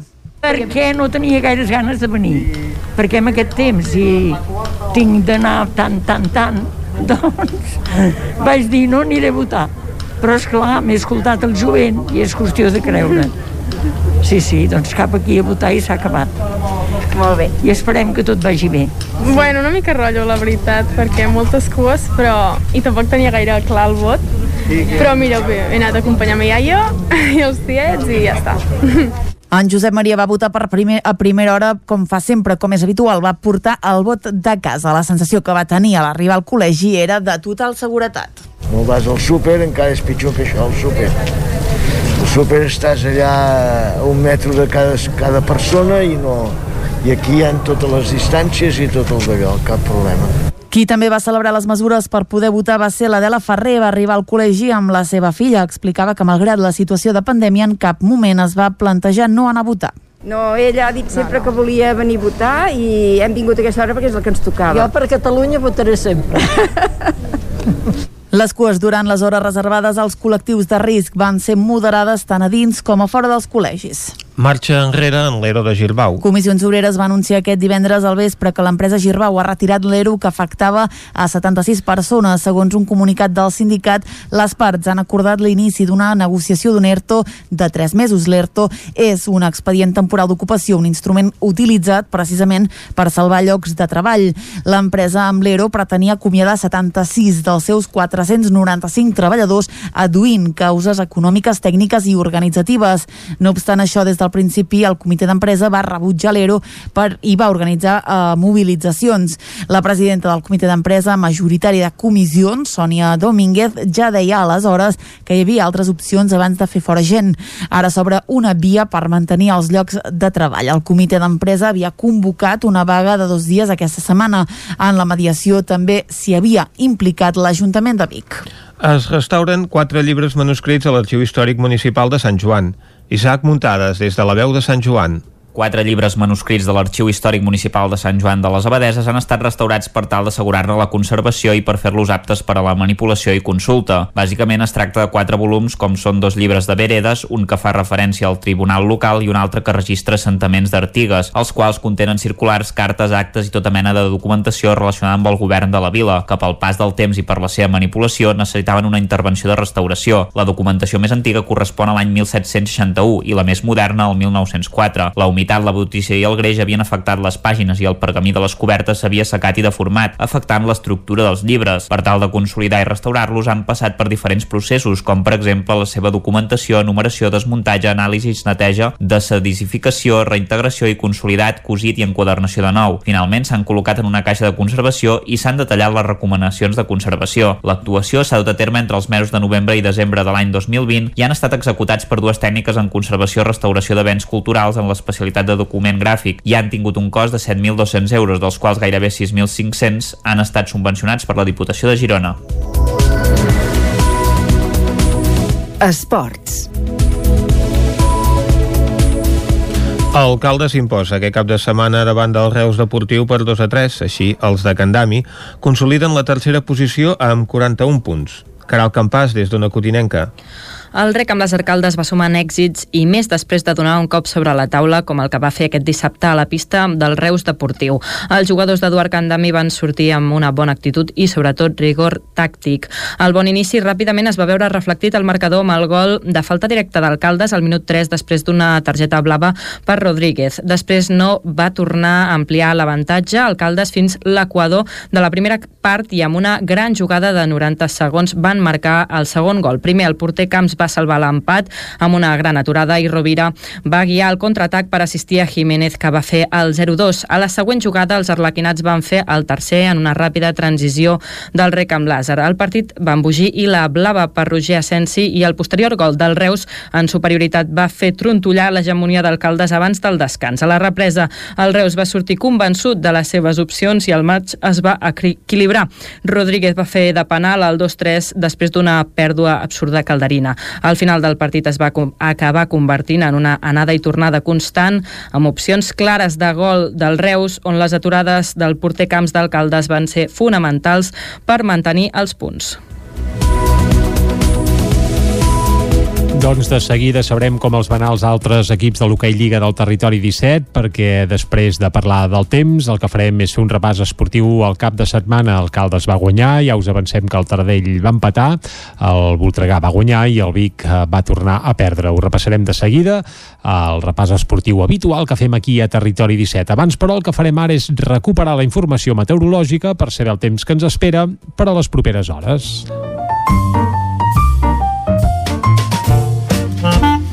Casa Terradellos us ofereix el temps.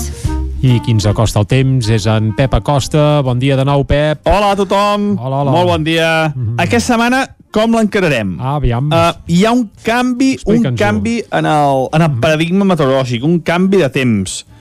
Si l'última setmana ha estat dominada per aquests vents atlàntics, vents de, de nord, nord-oest, comença a entrar vent del sud. Uh, avui poder encara no, uh, després uh, comentaré més, uh, més a la talla el temps d'avui, però durant la setmana entrarà vent del sud. Uh, ràpidament pujant les temperatures i el sol serà gran protagonista. Mm, recordeu això, eh? Aquesta setmana sí, sí. dominada per vents del sud i on la temperatura cada vegada serà més alta. Però anem avui en concret, anem al dia d'avui, que és el que toca, perquè avui som dilluns, doncs, dia 15 de febrer. doncs avui ens hem llevat amb unes temperatures força baixes, per sota els 5 graus a majors comarques, i encara tenim el cel molt tapat. Mm, hi ha aquestes, aquesta mala visibilitat, molts núvols baixos, fins i tot encara s'escapa alguna gota en alguna zona del peritoral, tot això s'anirà acabant. De cara al migdia ja tindrem alguna clariana i a les últimes hores del dia, últimes hores de la tarda, el sol ja serà el protagonista. Com que avui hi haurà encara poques hores de sol, les temperatures pujaran molt poc les màximes. Es mouran, jo crec, entre els 11, 12, 13 graus com a molt. I la majoria de temperatures quedaran entre els 7 i els 10 graus de màxima encara farà força fred el dia d'avui. Però serà l'últim, eh? A partir de demà, molt de sol, vents de sud i unes temperatures que pujaran ràpidament, eh? Uh, ja veureu que l'ambient serà molt suau durant tota la setmana. I eh, això és tot, a disfrutar el dia d'avui i també eh, ja fa extensiu, tot i que ens escoltarem cada dia, a disfrutar d'aquesta setmana penúltima ja del mes de febrer. Ja veieu com van avançant com les setmanes i els dies. És terrible. Moltes gràcies, fins demà. Vinga, Adeu. Fins demà, Pep, moltes gràcies. Nosaltres ara, tal com hem dit abans, el que farem és el repàs esportiu als equips del nostre territori. Casa Tarradellas us ha ofert aquest espai. Territori 17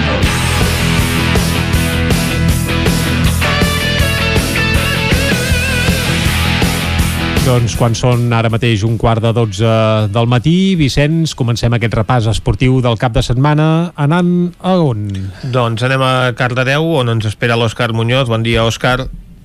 Bon dia. Fem un resum del cap de setmana esportiu. Com ha anat això? Doncs primer cap de setmana que podem dir que portem tres victòries Molt bé. i cap derrota, uh -huh. així que podem dir que esportivament ha anat bé. I el comencem Vallès per... Oriental ho guanyeu tot, guanyeu les eleccions, eh, guanyeu els partits, aquest cap de setmana ha sortit sí. Ah, sí, aquest cap de setmana ha sigut del Vallès Oriental, exactament. Uh mhm. -huh. Comencem per el Franklin Granollers, que va, va suar de valent per guanyar el Villa d'Aranda a casa per 32 a 25. Un Franklin que va començar bé el partit, però els visitants no es van deixar guanyar tan fàcilment i a les acaballes els granollerins eh, van jugar van fer un joc més contundent en defensa i més precís en atac -huh. i això va fer doncs, el bon resultat final. Una victòria que deixa el Franking al tercer lloc de la classificació de la Lliga Escari a Sobal. Per l'altra banda, les noies del CAC 7 també van guanyar en el partit que jugaven a Tenerife a les 8 del vespre per 22 a 28. I el futbol, eh, l'Esport Club Granollers va sumar la seva segona victòria de la temporada a casa i ho van aconseguir contra el CUE, els Sants, per 2 a 1 els gols van arribar de, dels peus del Víctor Morales i del Dani Muela uh -huh. i això doncs, van propiciar aquesta victòria per la mínima local que situa els, els de Granollers als sisè llocs de la, del grup 5B de la tercera divisió espanyola amb 19 punts i ara està en la fase final per l'ascens i encara això, amb un partit menys uh -huh. I fins aquí seria el repàs esportiu Molt del bé. Vallès. Doncs moltes gràcies, no ens movem del Vallès perquè anem a una codinenca, allà ens espera la Caral Campàs. Bon dia, Caral. Hola, bon dia. Doncs eh, sí, eh, com bé us deia el butlletí, Alcaldes va guanyar, uh -huh. es va imposar per 2-3 davant el, el Reus. I ara el repte el tindrà a la pròxima jornada davant d'un altre rival directe a la classificació que és el, el Lleida. Eh, el Caldes està tercer amb 41 punts després, com deia, de guanyar el Reus.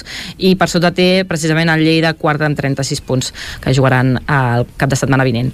I segueixo parlant de resultats d'hoquei. L'equip femení de Vigues i Riells va encetar la segona volta contra el Cerdanyola uh, un partit que va acabar per Cerdanyola 2, Vigues 5 una primera part molt bona, amb molta pressió i amb la jugadora Marlena Rubio del Vigues com a protagonista. Uh, bé, les de Ramon Peralta uh, el Vigues va sortir trepitjant molt fort els primers minuts i tot i això el Cerdanyola va ser qui, qui va marcar primer en un contraatac. Poc després uh, les de Ramon Peralta van aconseguir capgirar el marcador amb dos gols seguits i, i just poc després un tercer gol culminant un atac amb superioritat. Seguidament el Cerdanyola va fer el 2-3 i eh, posteriorment dos gols del Vigues, de Borràs de falta directa i de Rubio de contraatac van tancar aquest marcador final amb Cerdanyola 2 Vigues 5. I el Sant Feliu de Codines, eh, que el tenim a segona divisió, jugava contra el Barça, un, un partit que va acabar amb empat a 3 a, a casa contra el Barça B, un partit que va ser intens i igualat fins al final, com bé demostra aquest uh, marcador amb empat a 3. Uh, a la represa va ser quan els visitants van empatar el partit, però pocs minuts després els ballesans uh, es tornaven a posar al davant i al tram final el Barça tornava a empatar i, i bé, molt cansament acumulat uh, el Sant Feliu va patir per la falta de rotacions i va acabar amb aquest marcador de 3-3. Molt bé, gràcies, Caralt. A vosaltres. Anem ara a la veu de Sant Joan, de nou amb l'Isaac Muntades. Bon dia, Isaac. Bon dia, Vicenç. L'activitat esportiva al Ripollès sí que continua doncs, en stand-by fins que no hi hagi més competicions que s'incorporin ja a, a, la, a la pràctica esportiva, no? Correcte, Vicenç. De fet, aquest cap de setmana, com a excepció, realment sí que es van omplir alguns pavellons, però en aquest cas per la jornada electoral, com Exacte. és el cas dels, dels pavellons de, de Sant Joan de les Abadeses o, o per exemple, també uh, de Can de Bànol, uh, a Ripoll també, també en, en algun també es va poder votar, Llavors, bé, aquí sí que aquesta setmana doncs, eh, ja ho vam comentar l'altre dia, però ara que ja podem doncs, moure'ns per tota la comarca perquè el confinament ha passat a ser comarcal, doncs la gent uh -huh. del Ripollès ja pot anar a esquiar, ja pot calçar-se els esquís i anar a les dues estacions d'aquí de la comarca i us explico una mica com està la situació per si algú eh, hi vol anar-hi, perquè realment és bona, eh? A Vall de Núria, per Clar. exemple, tenim gairebé 90 centímetres de, de màxim en alguns punts, però és que el mínim són 50 de neu pols eh, dura, vull dir que eh, està força bé. A més a més, eh, avui eh, posa que l'estat és, és assolellat, la temperatura sí que no és gaire eh, agradable perquè és de eh, eh, un grau negatiu, però, però és que ja, ja va bé però esquiar ja va bé, exacte, perquè igualment ja, ja fas esport i t'escalfa ràpid. I de pistes eh, n'hi ha 7 d'11 que estan obertes, el 70% dels quilòmetres esquiables i també funcionen 3 dels 5 remuntadors. Això és en el cas de Vall de Núria i després tindríem Vallter de 2000 que també està bastant bé, també el clima avui és assolellat, aquí molt més bona temperatura, gairebé 6 graus, uh, la neu uh, també és pols, a més a més hi ha uh, un gruix que no, no és tan gran però està bastant bé, 55 centímetres en alguns llocs, 35 en altres i, i 6 de les 13 pistes estan obertes, també tenim un 40% dels quilòmetres esquiables i funcionen 4 dels 10 remuntadors, per tant realment uh, fa un bon dia per anar a esquiar i aquesta setmana esperem que continuï així i a veure si d'aquí poc doncs, eh, es fa una obertura més important i pot venir també la gent de, de fora de la comarca però això evidentment dependrà de si milloren les circumstàncies de, de la pandèmia i dels contagis de coronavirus Exactament, doncs en seguirem parlant. Gràcies, Isaac. Ara nosaltres anem a fer un repàs a l'actualitat esportiva de la comarca d'Osona amb l'Ester Rovira. Bon dia. Bon dia.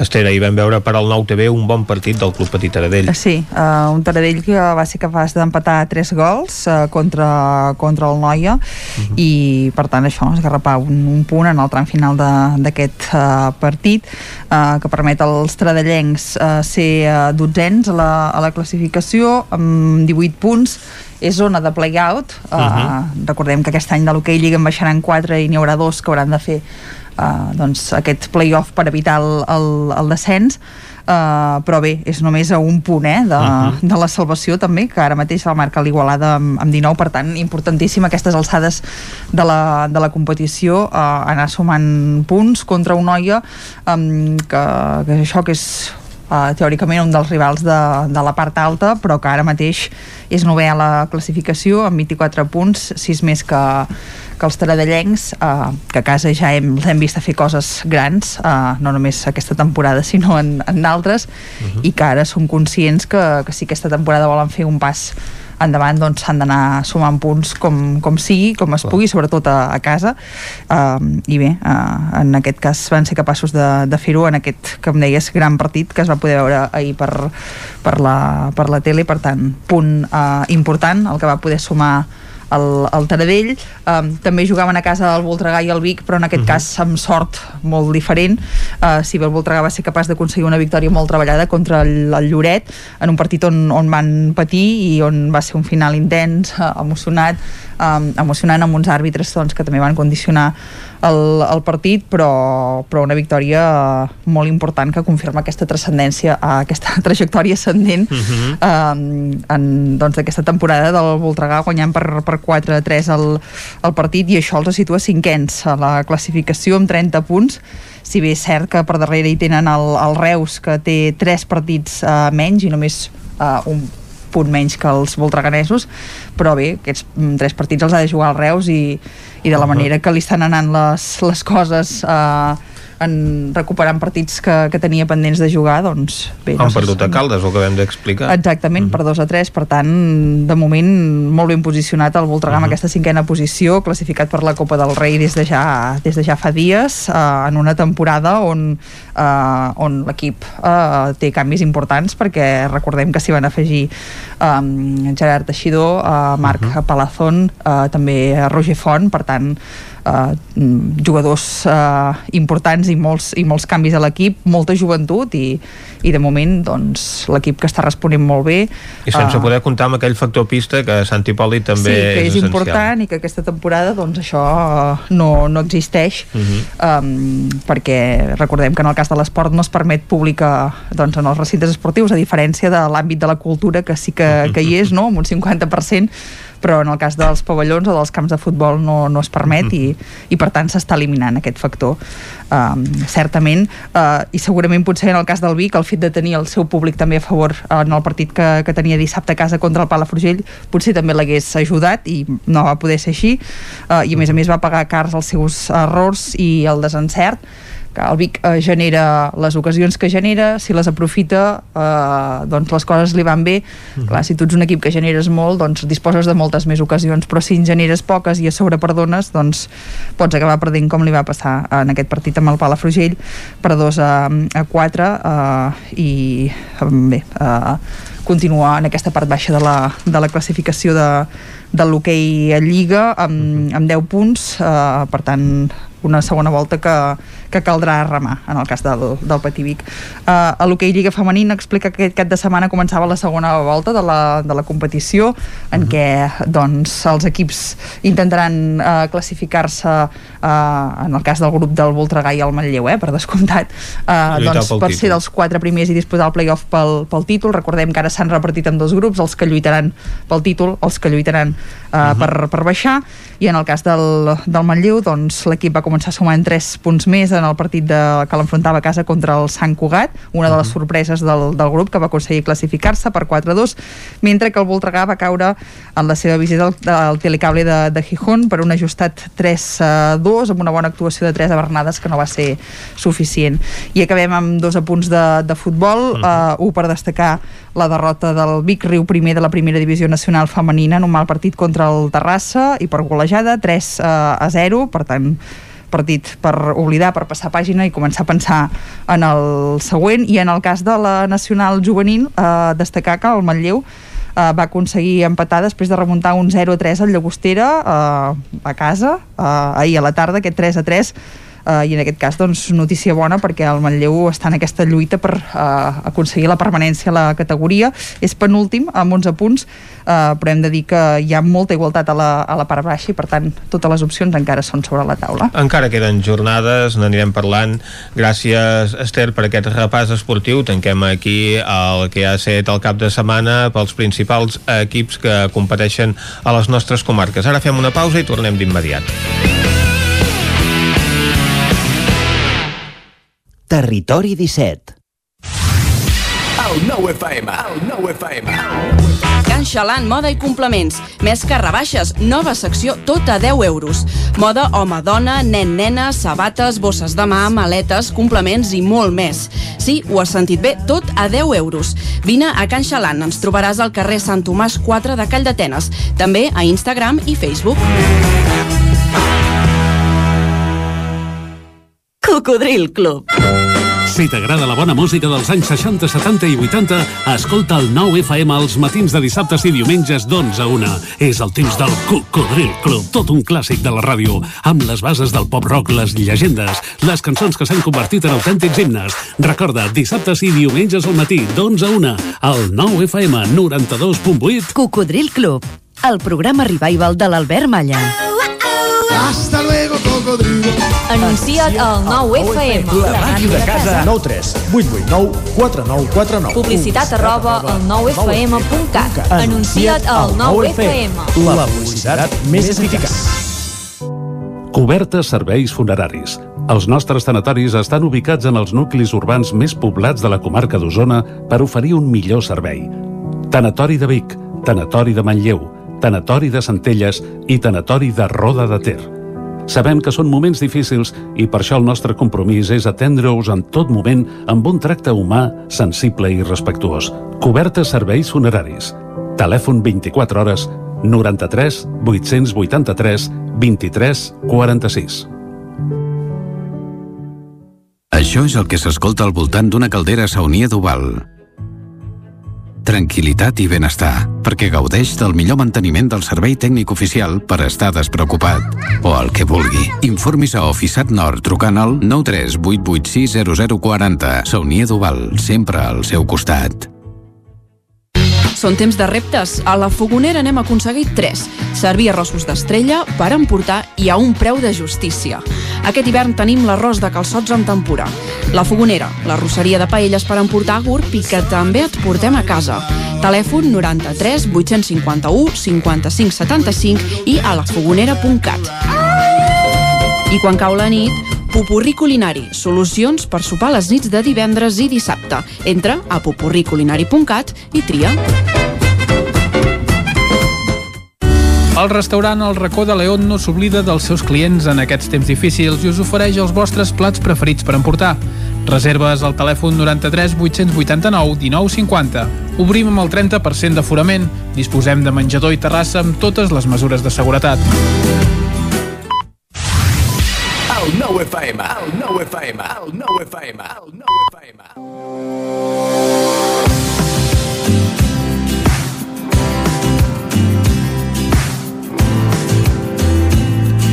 Avui coneixem el municipi més jove del Moianès, Monistrol de Calders. Va formar part del municipi de Calders fins l'any 1934. Es troba situat en un racó amagat entre el Pla de Bages, la Serra de Sant Llorenç del Munt i l'Altiplà del Moianès. Monistrol de Calders es caracteritza per ocupar un territori muntanyós, amb alternança de rieres i serrats. Tres quartes parts del territori estan cobertes de pinedes, alzinars i matolls. Envoltat de boscos i rieres, és un indret idoni per practicar senderisme, BTT i entre d'altres, i gaudir dels encants del paisatge i la natura. També hi podem trobar restes arqueològiques. Al Pla de Trullans hi ha un dolmen en molt bon estat. Són les restes més antigues del terme de Monistrol de Calders. Aquest tipus de sepulcres pertanyen a l'edat de bronze entre el 2000 i el 1500 abans de Cris aproximadament. El monument megàlit es troba situat en una posició dominant respecte a l'entorn, a 571 metres d'alçada. Es tracta d'un sepulcre megalític del tipus de cambra simple, diferenciat d'estructures megalítiques més complexes, amb una caixa de planta rectangular i amb grans lloses falcades a terra, amb una altra sobre com a coberta de la cambra sepulcral, al lloc d'enterrament. Al voltant de la cambra hi havia un túmul de terres i de pedra de planta circular. És un megàlit força gran comparat amb els que es troben a la comarca. Va ser restaurat l'any 2005 per l'equip d'Arqueociència, conjuntament amb el Consorci del Moianès i l'Ajuntament de Monistrol de Calders, i forma part de la ruta de la Pedra Seca. Monistrol sorprèn per l'abundància de l'aigua. Són més de 30 les fonts que brollen per diversos indrets i és creuat per tres rieres que s'uneixen al capdavall del poble per formar el riu Calders. Per termes muntanyosos i d'aigua podeu visitar els Gorgs Blaus, on s'hi poden observar uns grans gorgs formats per la riera Golarda en travessar un banc de roca de conglomerat blavós. Un dels paisatges monistrolencs més impactants. Es tracta d'una gran gorja formada per la riera de la Golarda, com dèiem abans, en travessar un banc de roca de conglomerat de tons blavosos quan hi toca la llum del sol forma un penya-segat a la banda de llevant d'uns 40 metres d'alçada. A la part més septentrional s'hi poden observar unes olles en formes sinuoses per on circula el corrent en forma de remolí.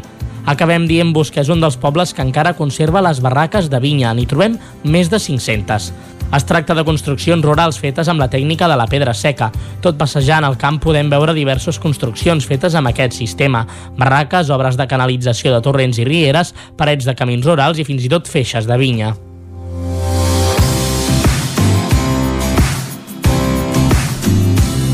Territori 17. Monistrol de Calders, que, que bonic, eh, Vicenç? Uh -huh. uh, hi haurem d'anar està molt perdut. Perquè queda, queda lluny però la veritat és que aquell entorn és bonic, sí senyor. Va, doncs quan es trenqui el confinament comarcal recordem que ara estem confinats eh, comarcalment, per tant cadascú es pot moure lliurement per la seva comarca però les veïnes encara no, doncs serà qüestió de fer-hi cap. Uh Mhm. -huh. on sí que farem cap perquè hi s'hi pot anar des de qualsevol de les nostres comarques és a la R3 Anem-hi doncs. Anem-hi A Trenc d'Alba, edició pandèmia. Ara sense els usuaris que ens explicaven les seves desgràcies a la R3, però amb els mateixos retards i problemes de sempre. Benvinguts a Tren d'Alba. Avui al Twitter del col·lectiu Perquè no ens fotin el tren s'hi poden veure dues piulades interessants. La primera posa de manifest que el tren és un dels transports més segurs del món. Segons una infografia de l'any europeu del Rail 2021, les dades d'entre els anys 2011 i 2015 mostren que va haver-hi un total de 38 morts per cada bilió de passatgers per quilòmetre que anaven en moto. La xifra es reduïa considerablement en el cas dels cotxes fins a uns 2,7, mentre que els autobusos era d'un 0,23. En el cas dels trens, només n'hi ha 0,1 per cada bilió de passatgers i només viatjar amb avió és més segur perquè són 0,06 morts per cada bilió de passatgers. Ja ho veieu, lent però segur. I dic això de lent perquè en el cas de l'R3 és així, però és que la plataforma perquè no ens fotin el tren no va voler perdre el seu humor i va compartir un mem d'un tren en què en Sam del Senyor dels Anells s'intercanviava per l'R3 i anava acompanyat d'un Valentín, un joc de paraules en castellà en al·lusió al dia de Sant Valentí d'ahir i amb la lentitud dels trens. A dalt no hi faltava el clàssic Esperi'm senyor Frodo, que no falti mai l'humor tot i aquests retards. Va, ens retrobem demà amb més històries de la R3. Territori 17.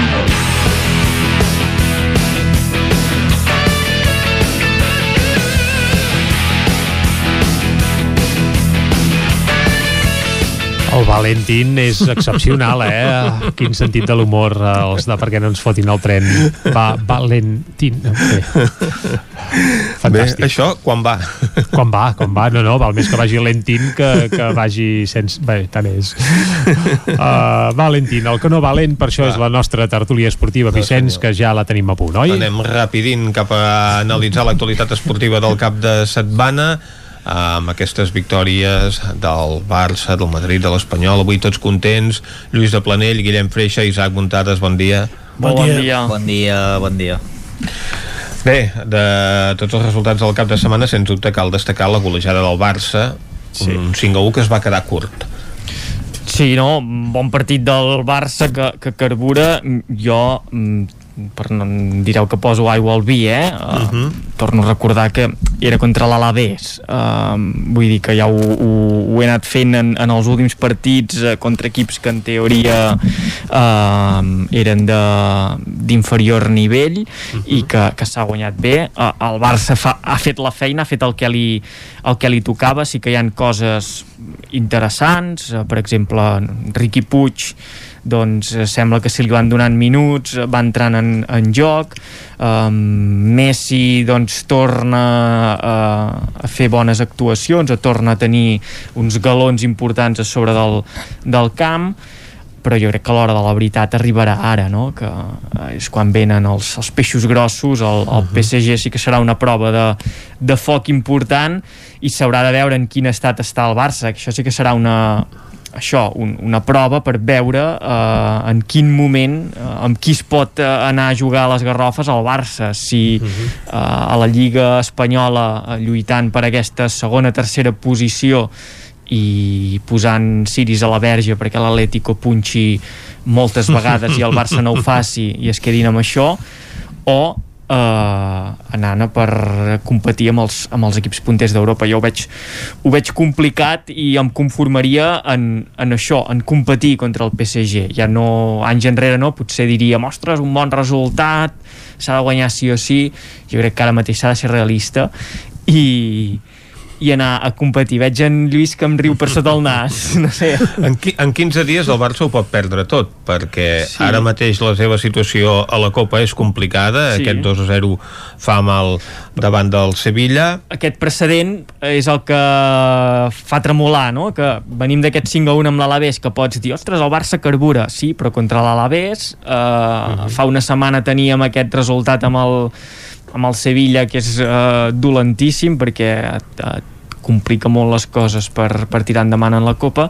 I ara tens aquest partit amb el Paris Saint-Germain que, que també serà molt complicat perquè és una plantilla molt, molt potent, uh -huh. per tant uh, això, eh, anar d'un cantó a l'altre i trobar el punt mig de dir, doncs uh, sí, el que veiem amb l'Alavés era realment perquè el Barça estava bé i el del Sevilla va ser una, una anècdota. O no, el Barça no està per anar-se a, eh, a trencar uh la cara esportivament amb, amb el PSG, amb el Sevilla, amb un el Bayern de Múnich crec que és, és com, es, com es definirà tot plegat en aquests, en aquests propers dies. Si el Barça cau a la Champions, doncs eh, es dirà que la cosa està molt malament. Però si sí. passa l'eliminatòria, diran que és perquè no hi havia Neymar.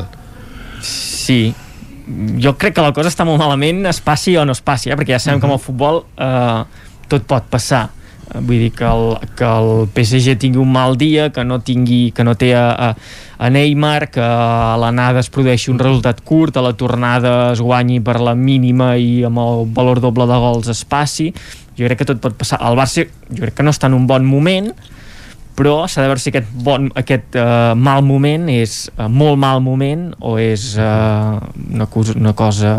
Des de l'època, vosaltres no us en recordeu, eh?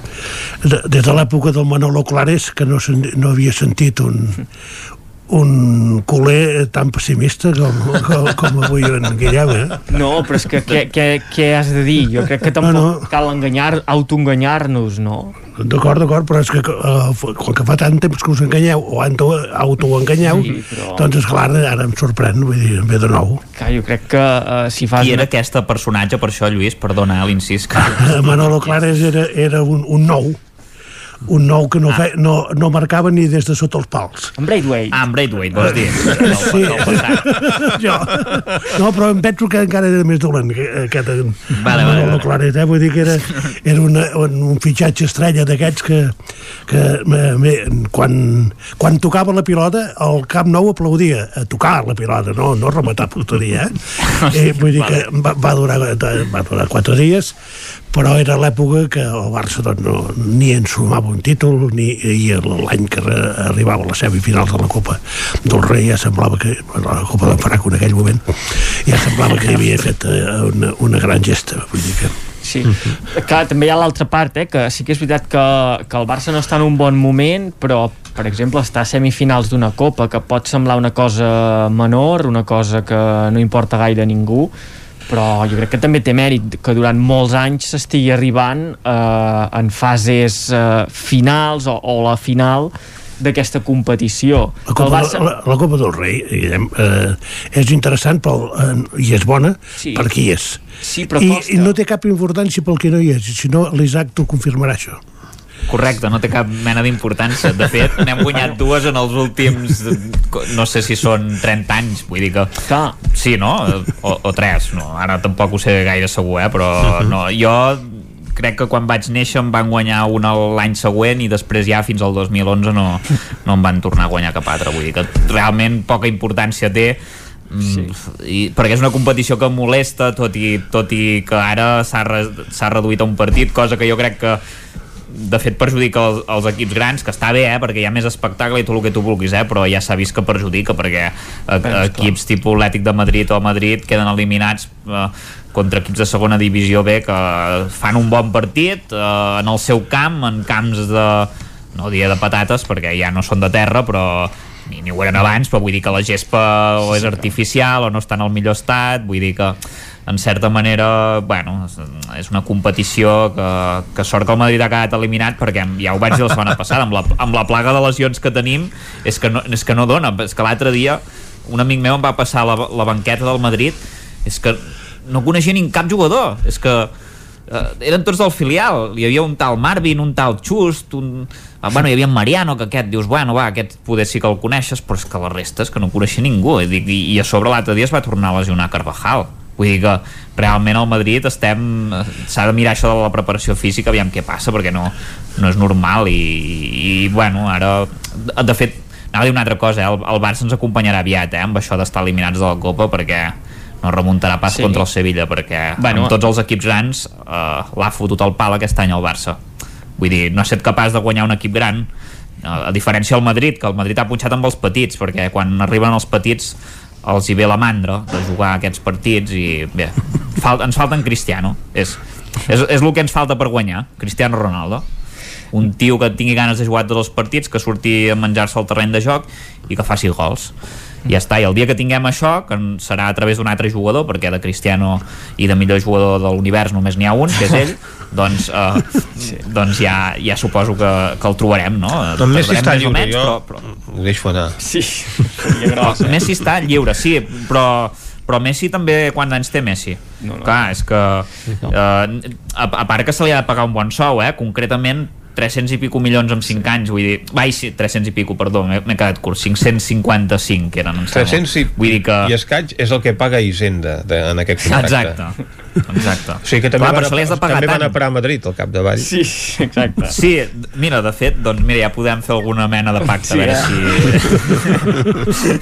si ens el no. quedem, també, per un o dos anys, ara, ara que perdrem l'estandard del club, Sergio Ramos que se'n anirà, suposo. Ah no, jo crec que el Barça i el Madrid comparteixen això, que són dos eh, projectes que estan en, en sacsejada, no? podríem dir, en, en construcció, mm. no sé si seria en construcció, perquè eh, tampoc s'està construint massa, massa res a nivell d'equip, de, però sí que en sacsejada i que en la propera temporada sobretot si es va recuperant també la situació Covid, eh, previsions d'ingressos, mm, totes aquestes eh, àrees que donaven aliment a, a, en, aquests, en aquests clubs, uh mhm. -huh. jo crec que veurem això, sacsejades, també el procés electoral a Can Barça, eh, vull dir, el president que arribi haurà d'arribar amb alguna cosa haurà d'oferir alguna cosa eh, al soci d'alguna manera, no sé de, de quina, però d'alguna manera haurà de, haurà de fer-ho. Per tant, els dos estan en aquesta sacsejada i, és clar al Barça li toca el PSG, tothom situa el Barça en una situació compromesa contra el, el conjunt francès.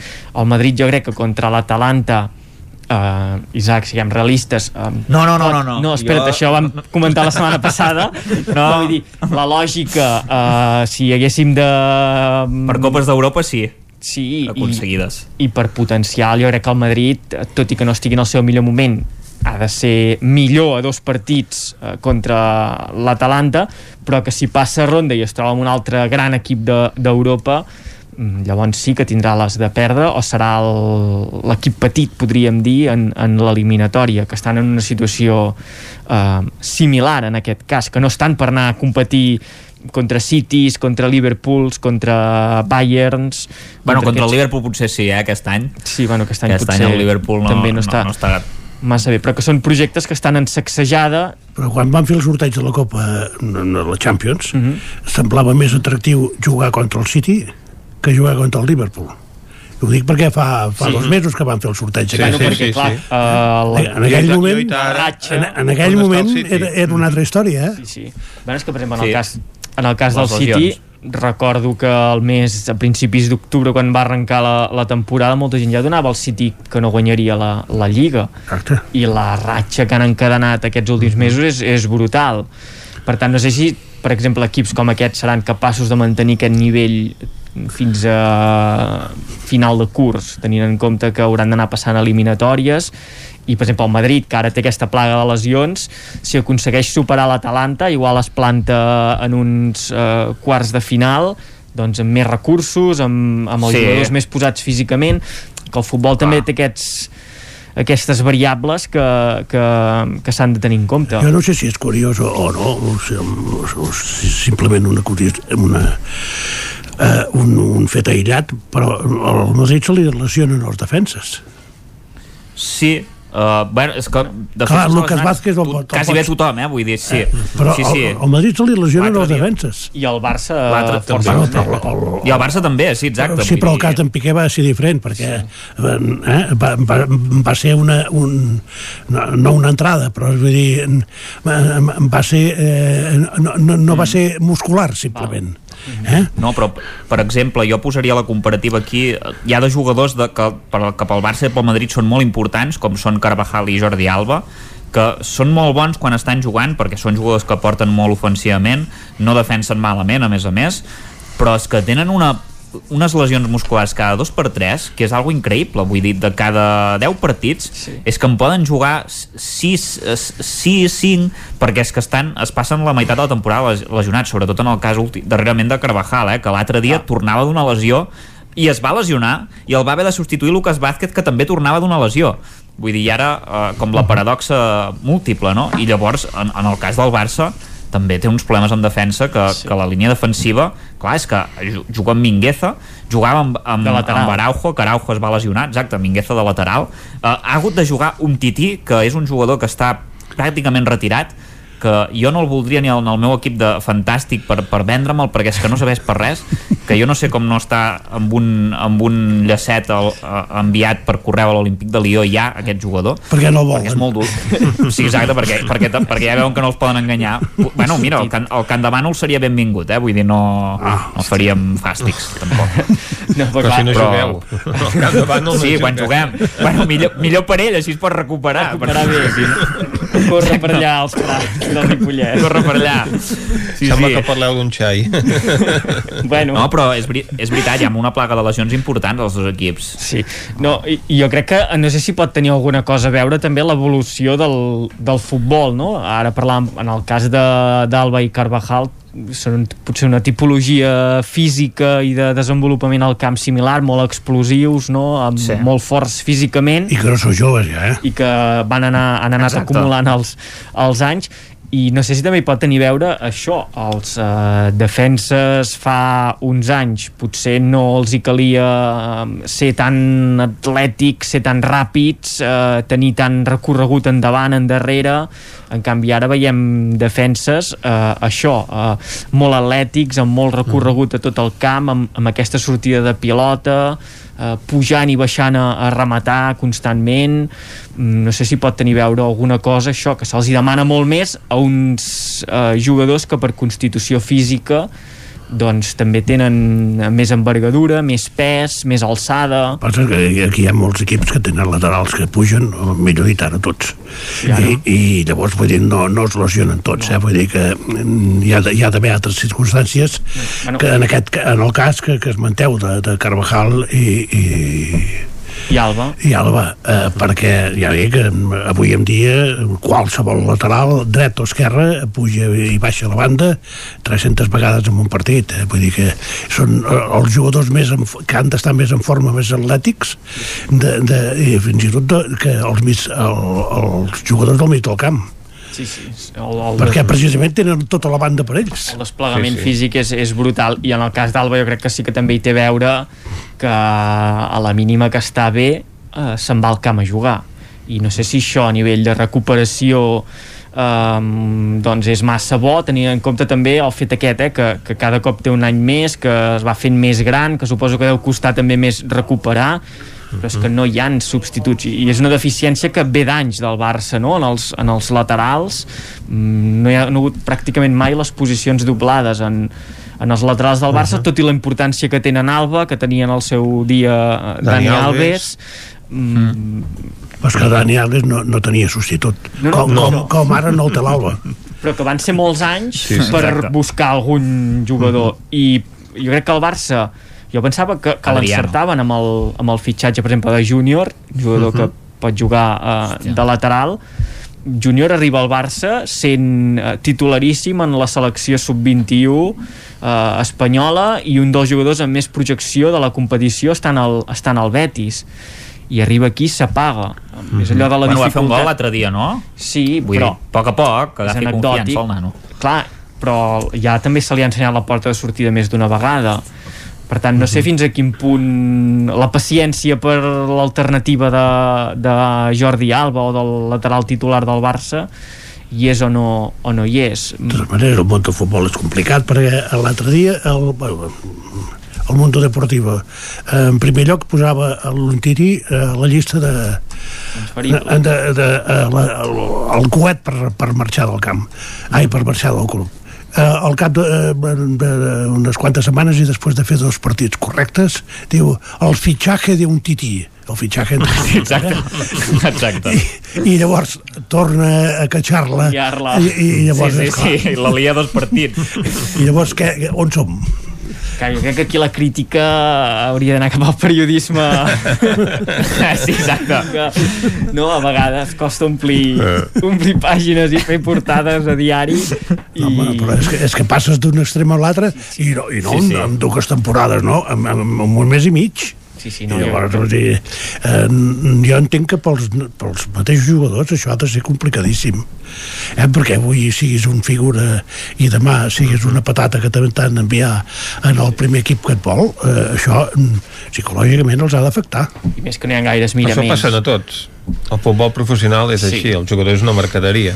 Sí, i en funció també d'interessos, de, uh -huh. no? Mhm. d'entrevistes que has concedit, no has concedit, uh, un mitjà igual et dona més, uh, més marge que d'altres. Sí. Que d'altres. Uh mhm. -huh. També ho hem vist amb Riqui Puig, no? que potser la gestió seva a nivell mediàtic, doncs, per joventut, per mhm. mal consell, pel que sigui, mm, potser no va ser del tot correcte i tenia gent molt a favor i gent molt en contra uh mhm. -huh. i potser el que li cal a aquest nano és menys soroll i, i anar, anar jugant i demostrant el que sap al, al camp jo intueixo que Enriqui Puig és la primera plantilla del Barça perquè el Barça no té calés perquè si ho hagués pogut eh, fitxar un altre substitut uh mhm. -huh. Enriqui Puig l'haurien cedit com, com l'Alanyà per exemple en el, millor, sí. en el millor dels casos per ell clar, i això, i això demostra que no es creu en el projecte del Barça de allò que fa uns anys era a la Masia en gent de la casa que sortia i agafava galons que no s'hi creu. I jo crec que és un dels reptes que haurà d'afrontar el nou president no? Mm, què es fa amb jugadors que en categories inferiors i en, en un moment concret tenen una projecció uh -huh. i han de començar a treure el cap. Guillem, el nou president ha de guanyar títols Sí. És igual que, que es guanyin amb els de casa o amb els bueno, fitxatges. No. Ha de guanyar títols. Però jo crec que a uh, l'època... Amb quins diners?